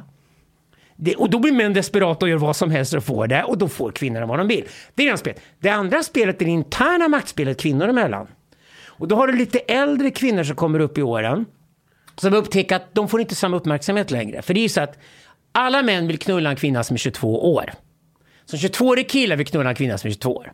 En 32-årig kille vill knulla en kvinna som är 22 år. En 40-årig man eh, vill knulla en kvinna som är 22 år. Så det är väldigt lätt när man är 22-årig tjej, för alla vill ha dig. Och det finns ingen anledning att ta en jämnårig kille. Jag vet- jag vet om jag en håller- etablerad karl som är 10 år. Det är de- Jag Men vet om jag håller med. Alltså, jo, sen, jo, 22-åring det här är data. Sorry, Ashkan. Ja, okej, ja. När en kvinna 32 är nog inte lika attraktiv för så många män längre som 22 år. Så det är snarare Men om man sådana tio attraheras gubbar som Alexander brains. som kommer då. Jag, jag blir oattraherad om personen är dum och inte Det har är inte erfarit du vi mäter någonting. nu, vi mäter No, but alla män. But generally speaking, men are attracted to Speak. younger women. Vi dras till, av biologiska till kvinnor för det är de som är mest fertila och det är då det blir reproduktion. Det, det, det, det är så funkar. Så män, kan kosta, så män är chanslösa i 22-årsåldern, vilket de gör klokt att lära sig. Men de vinner i status och män är egentligen, de står högst på sexuella skalan som sexobjekt bland kvinnor mellan 40 och 50 års ålder. Då muskelmassan är som störst, de är etablerade, de har pengar i banken. Då, då är de gifta Så som det bästa är framför oss. Mustafa. Ryssarna fattar det här rätt, men så funkar biologin helt enkelt. Och då har du det att spela med. Då är det klart att kvinnor som upptäcker att all den där uppmärksamhet man fick när man var 22, den får man inte automatiskt när man är 35 längre. Man börjar gå in i väggar och man bränner ut sig och alla drömmar man har haft och man har jobbat hårt och man har inte fått den där totala utdelning man skulle få. Och de kvinnorna idag, det är rekryteringsbasen för den svenska feminismen idag. Det är medelålders kvinnor som känner sig utbrända och trasiga och alltihopa. Och då vill de via den politiska sfären och via företag och allt möjligt nu hämnas på och få ut det som de var lovade att de skulle få ut efter 35 års ålder. Och vad jagar de då? Det är klart de låser in de unga tjejerna. För de unga tjejerna som ligger med vem de vill är ju precis som bränner iväg hela deras kapital som de har som kvinnligt kollektiv. Och då får du sexköpslagen och såna här banala grejer som kommer in som liksom vilken marxist som helst skulle blivit chockad över sexköpslagen i Sverige. Den är ju totalt småborgerlig. Det är den elaka äldre kärringen som ska låsa in den unga tjejen så att hon kan ha mer kapital i förhandlingarna med karlarna. Det är klart det handlar om det. Horan ska bort från gatan. Men är inte en lösning att knulla på fler milfar i 35-årsåldern? Skulle inte det lugna ner hela den Det är ju här... vår affärsidé, Chang. Bordellpappan.se. Hanif. Och då tycker vi som alltid att när de yngre ligger med de äldre så kan man smörja upp det lite grann liksom. Med Nej, men lite alltså, jag- gåvor jag- och det lite finansiella samhäll- alltså att belöningar. Alla de här feministtjejerna 30 plus. Att bara dra dem lite i håret och ge dem en omgång i sänghalmen. Det är att göra en samhällstjänst. Tror jag. För det är, det är vad de behöver. Tinder är fullt av 40-åriga kvinnor som raggar 25-åriga killar och de smarta tjejerna har fattat att det tillfälliga affär det handlar om och det är inte de ska gifta sig med men de har kul som fan. Och det är roliga tjejer med bejakad sexliv som är 40 år Mustafa, gamla. Det är har, det de har, du, har du tagit hand om någon milf på sistone? Har du gjort din samhällsplikt? Mustafa. Jag, jag ser alla mina avbokningar framför mig. Så du bokförlaget så kommer höra av sig. Ja, vad var det? ängslig. Du är väl avbokad sedan länge sedan? Martyren talar. Det är sant. Nu Alexander, jag har en fråga eh, om, om jag får hijacka. På tal om män och kvinnor. Eh, förra veckan så var jag bjuden på Malou efter tio och vi pratade om mäns våld mot kvinnor. Och framförallt eh, hur vi som män ska ta ansvar för eh, eh, Mäns Ja. våld mot kvinnor. Vi ska ta ansvar för män. Varför ska vi det? Är det kollektiv bestraffning eller Stalin det handlar om? eh, jag ställer en fråga till dig. Nej, Varför, Den här debatten är så dum så att den dödar sig själv och tyvärr är det då synd om kvinnor som blir slagna. Varför för det? Vi löser inte problemet alls med debatt. Varför är Därför att vi gör debatten så dum? kvinnor det till... Därför att alla kvinnor som kollektiv är goda sanningssägare och alla män som kollektiv är onda Vad jag lögnare. än säger kommer Hanif bräda mig direkt utan att han ens tänker på det. Det är därför det inte funkar. Den här debatten, en kvasdebatten är över om ett par veckor, alla trötta på den och så blir det en annan kvasifråga som Malou och alla pratar om media. Du löser inte problemet den vägen. Därför att om du inte förstår att en stor del av våld som utövas är dynamiska fenomen som handlar om att förstå nyanser. Hur menar du Då nu? fattar inte. Ja, det är klart de bjuder in dig som polis, men då ska du också sitta och berätta om vad du ser som polis när du ser våld utövas. Och då ska du också kunna fatta att precis som intention avgör hur man bedömer vad någon säger, så finns det ett förspel till det du kliver in i när det smäller i en lägenhet och det, och det bråkas. De utnyttjade dig Hanif. Nu har vi gjort så i Sverige att vi har gjort mäns våld mot kvinnor till en juridisk titel. Det var ett jättemisstag. Är det Berätta någonting vi borde hållit könsneutralt så i sådana fall brott och straff. Det borde ju fan vara totalt könsneutralt i läget. För det är väl så att en eskalerande utveckling som leder fram till att våld utövas i sig är jävligt beklaglig. Och då har vi gjort så i alla fall att då låter vi säga den som höjer handen och smackar till den andra personen, den blir kriminell, men inte den som eskalerar fram till dess. Okej, då har vi köpt det. Då går vi med på det män och kvinnor, att vi har köpt den premissen. Att vi tycker att det är någonting vi ser ner på vår kultur, att man använder fysiskt våld. Men det är däremot jävligt fint att man kan använda sin tunga och fullständigt mala ner och mörda en annan människa med tungan. Okej, då har vi köpt den premissen. Fair enough, det gör också lättare att bedöma i domstolarna. Men om vi inte diskuterat det fallet, för om du vill undvika ett bråkigt förhållande, då måste du titta på hela dynamiken. Om du är en parterapeut så kan du inte sitta och vara moralpredikant. Från parterapeutens jobb är ett, kolla, kan de här två vara ihop överhuvudtaget? Eller ska vi bara se till att de separeras? Det är det första en parterapeut måste veta. Och två, då måste ju parterapeuten i sådana fall inte vara moralpredikant och ta ställning för ett kön mot andra könet per automatik. Nej, som man är jag inte ansvarig för vad andra män gör, för att jag köper inte stalinism. Fast det är ju män Jag som, vägrar ta fast, ansvar för fast andra det är ju män som slår Varje män- kvinnor. Jag slår inte kvinnorna! Nej, fast det är män, vi majoriteten... Jag är inte den mannen!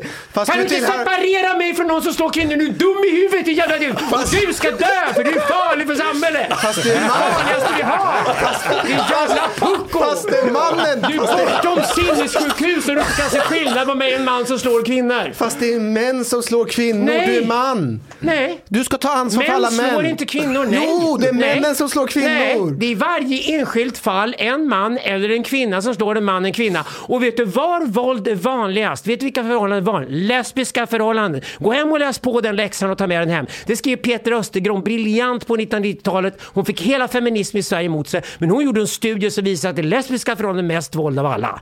Varför Och det vet männen- varenda polis som, gått in i lesbiska lägenheter och ser dem slänga sejlarna på varandra. Jag Jag, varit- gillar det själv, jag gillar lesbian Jag catfight. i-. Men sanningen är den att det där med mäns våld mot kvinnor är en lögn från början till slut. Det är ingenting annat än lögn? Lesbian Och jag som man underkänner att jag som jag har- man betraktas som brottslig för att jag är man. Bullshit! Jag har varit 11 år som polis, jag har aldrig varit hos några lesbiska kvinnor bråka. Däremot så har jag varit i, eh, vad heter det, eh, bögar bråka och eh, någon som har slagit en annan. En gång har jag, har jag varit så här. Okej, men nu finns det data på sånt, så då återigen din personliga Ja, historia ja, slås ja, ja. undan av dataantropologin i det här Men har fallet. inte vi något ansvar alls? Har inte du som Nej. ett ansvar? Du som en... Jag har ett ansvar för att se till att vi får så lite brott i samhället som möjligt, att folk beter sig schysst mot varandra. Jag har väl mest av allt ansvar till att börja med att hålla sär par som inte kan komma överens. Och att tjejer får tillräckligt starkt självförtroende att gå till kvinnojouren för att dra från snubben och gå därifrån. Det är klart de ska gå därifrån om man slår henne. Eller de ska ta ansvar för vad hon gör som gör att han slår henne, om hon nu vill Men titta på det Alexander, vad, dynamiskt. vad, vad, säger du till Det är dem, dynamik. vad säger du till dem som säger att det resonemanget nu, att om en kvinna blir slagen av en, av en man, hon måste gå därifrån och lämna mannen. Att det resonemanget gör att du lägger ansvaret på kvinnorna och inte på männen som faktiskt slår kvinnan. Nej, det är inte alls. Båda har väl Nej, jag lägger ansvar på vårt samhälle att ge alla vuxna människor så mycket jävla integritet som kan stå upp för sin egen kropp och integritet runt sin kropp. Och det är ju bara en stor, det har ju fallerat på skola, utbildning och kvinnojour, hela skiten. Om en kvinna inte kan ha tillräckligt mycket självförtroende för att säga att jag, jag tänker bara leva med män som respekterar mig som kvinna. Det är ju det du ska säga. Det måste vara målet ändå att vi landar ett samhälle Jo. där vi inte har de här förhållandena. För annars ska hon gå tillbaka till förhållandet och han ska på något sätt vara ansvarig för någonting. Men hon ska sitta där och bara vara kvar och bekvämt sitta kvar i ett förhållande och få stryk. Men du- vad, vad är det för jävla samhälle vi Men du- skapar då? du- vad är det för kvinnosyn? Du, har du hört talas om normaliseringsprocessen? Normaliseringsprocessen. Kvinnor som blir normaliserade av att bli förtryckta av männen och eh, vad heter de utesluter sina kontakter, de blir mer och mer Beroende beroende av mannen. mannen. Vet du hur många män i Sverige som är så jävla nergrälade av sina kärringar och har sitt självförtroende så jävla knäckt som sitter helt isolerade med kärringen och har inga kompisar, inga vänner kvar. Vad tror du mansrörelsen växer så det knakar Det- i Sverige jag säger emot kvinnorna, kvinnorna använder ju bara den passiva aggressionen på exakt samma sätt som män använder öppna aggressionen. Kvinnor är likadana kålsupare som män. Jag köper inga historier överhuvudtaget om att män är ondare än kvinnor. Det är ren historisk lögn. Och varje gång en man går ut i krig så sitter någon kåt kvinna någonstans och hejar på.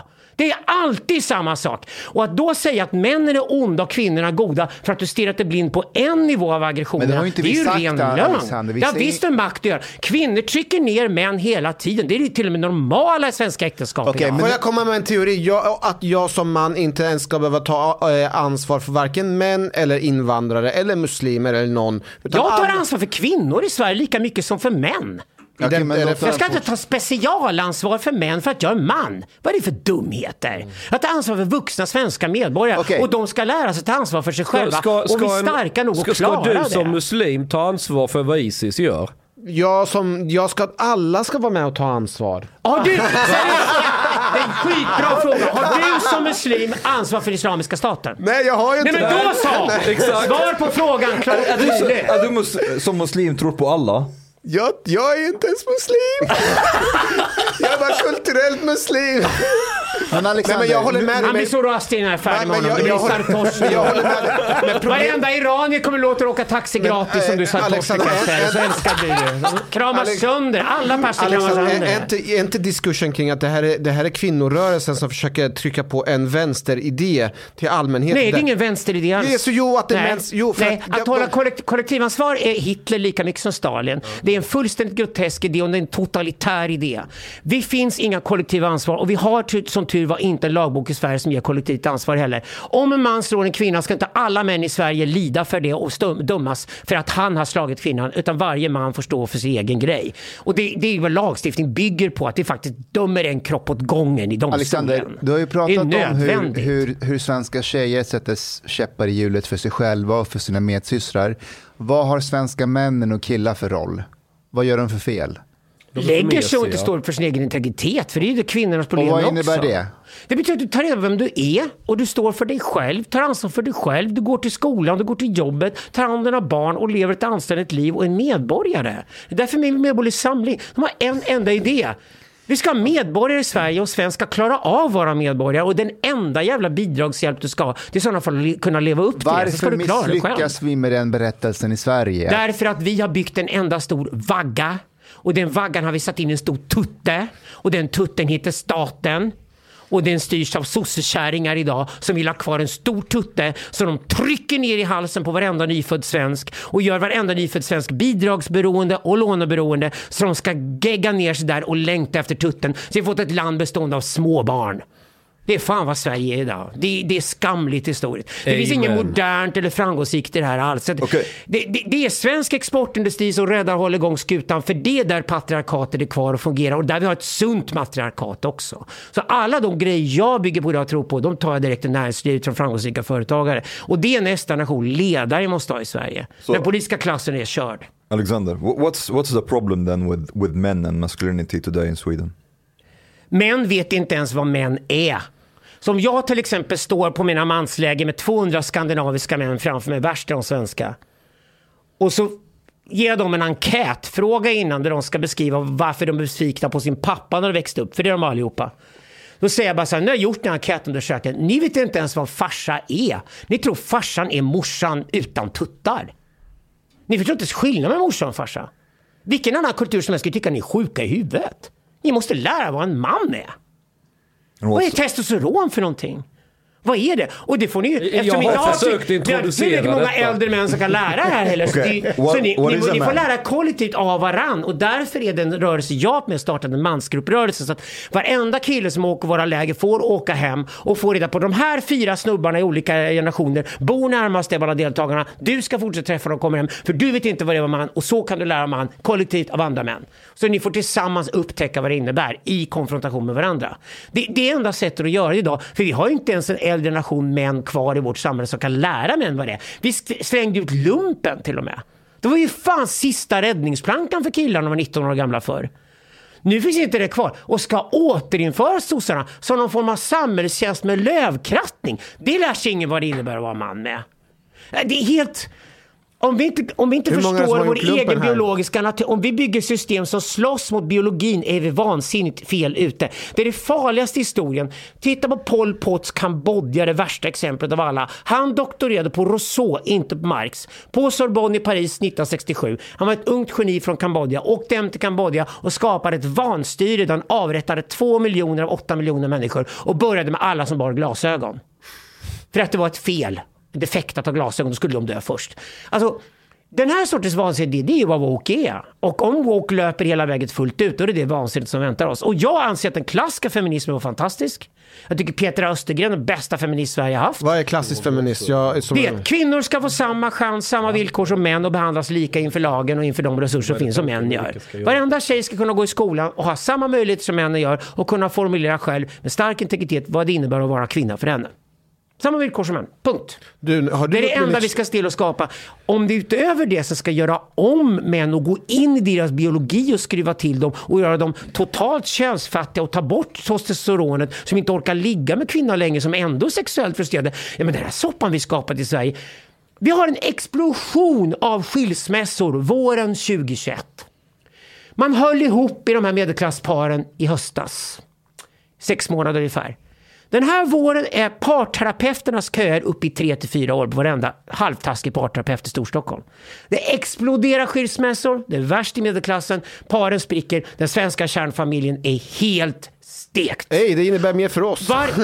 Ja, ja, men varför är den Men du stekt gillar för? ju inte kärnfamiljen säger du. Nej men jag, jag, jag bor i Stockholm och jag får ligga. Det finns gott om härliga roliga brudar som bor själva och har en hund och de vill ligga med män som mig. Det går ingen brist på det. De tjejerna kommer klara sig. Jag kommer klara mig. Men vad fan ska barn växa upp i ett sånt här samhälle där ingen bildar familjer som håller längre? Och det är svenska medelklassen. Och den svenska medelklassen har arrogansen och påstå att den är modernast i hela världen och att den vet bäst och att det är någonting att lära resten av världen. Den är ju för fan i krig med sin egen jävla biologi. Det är en befängd idé om våra människa. Där har ni problemet.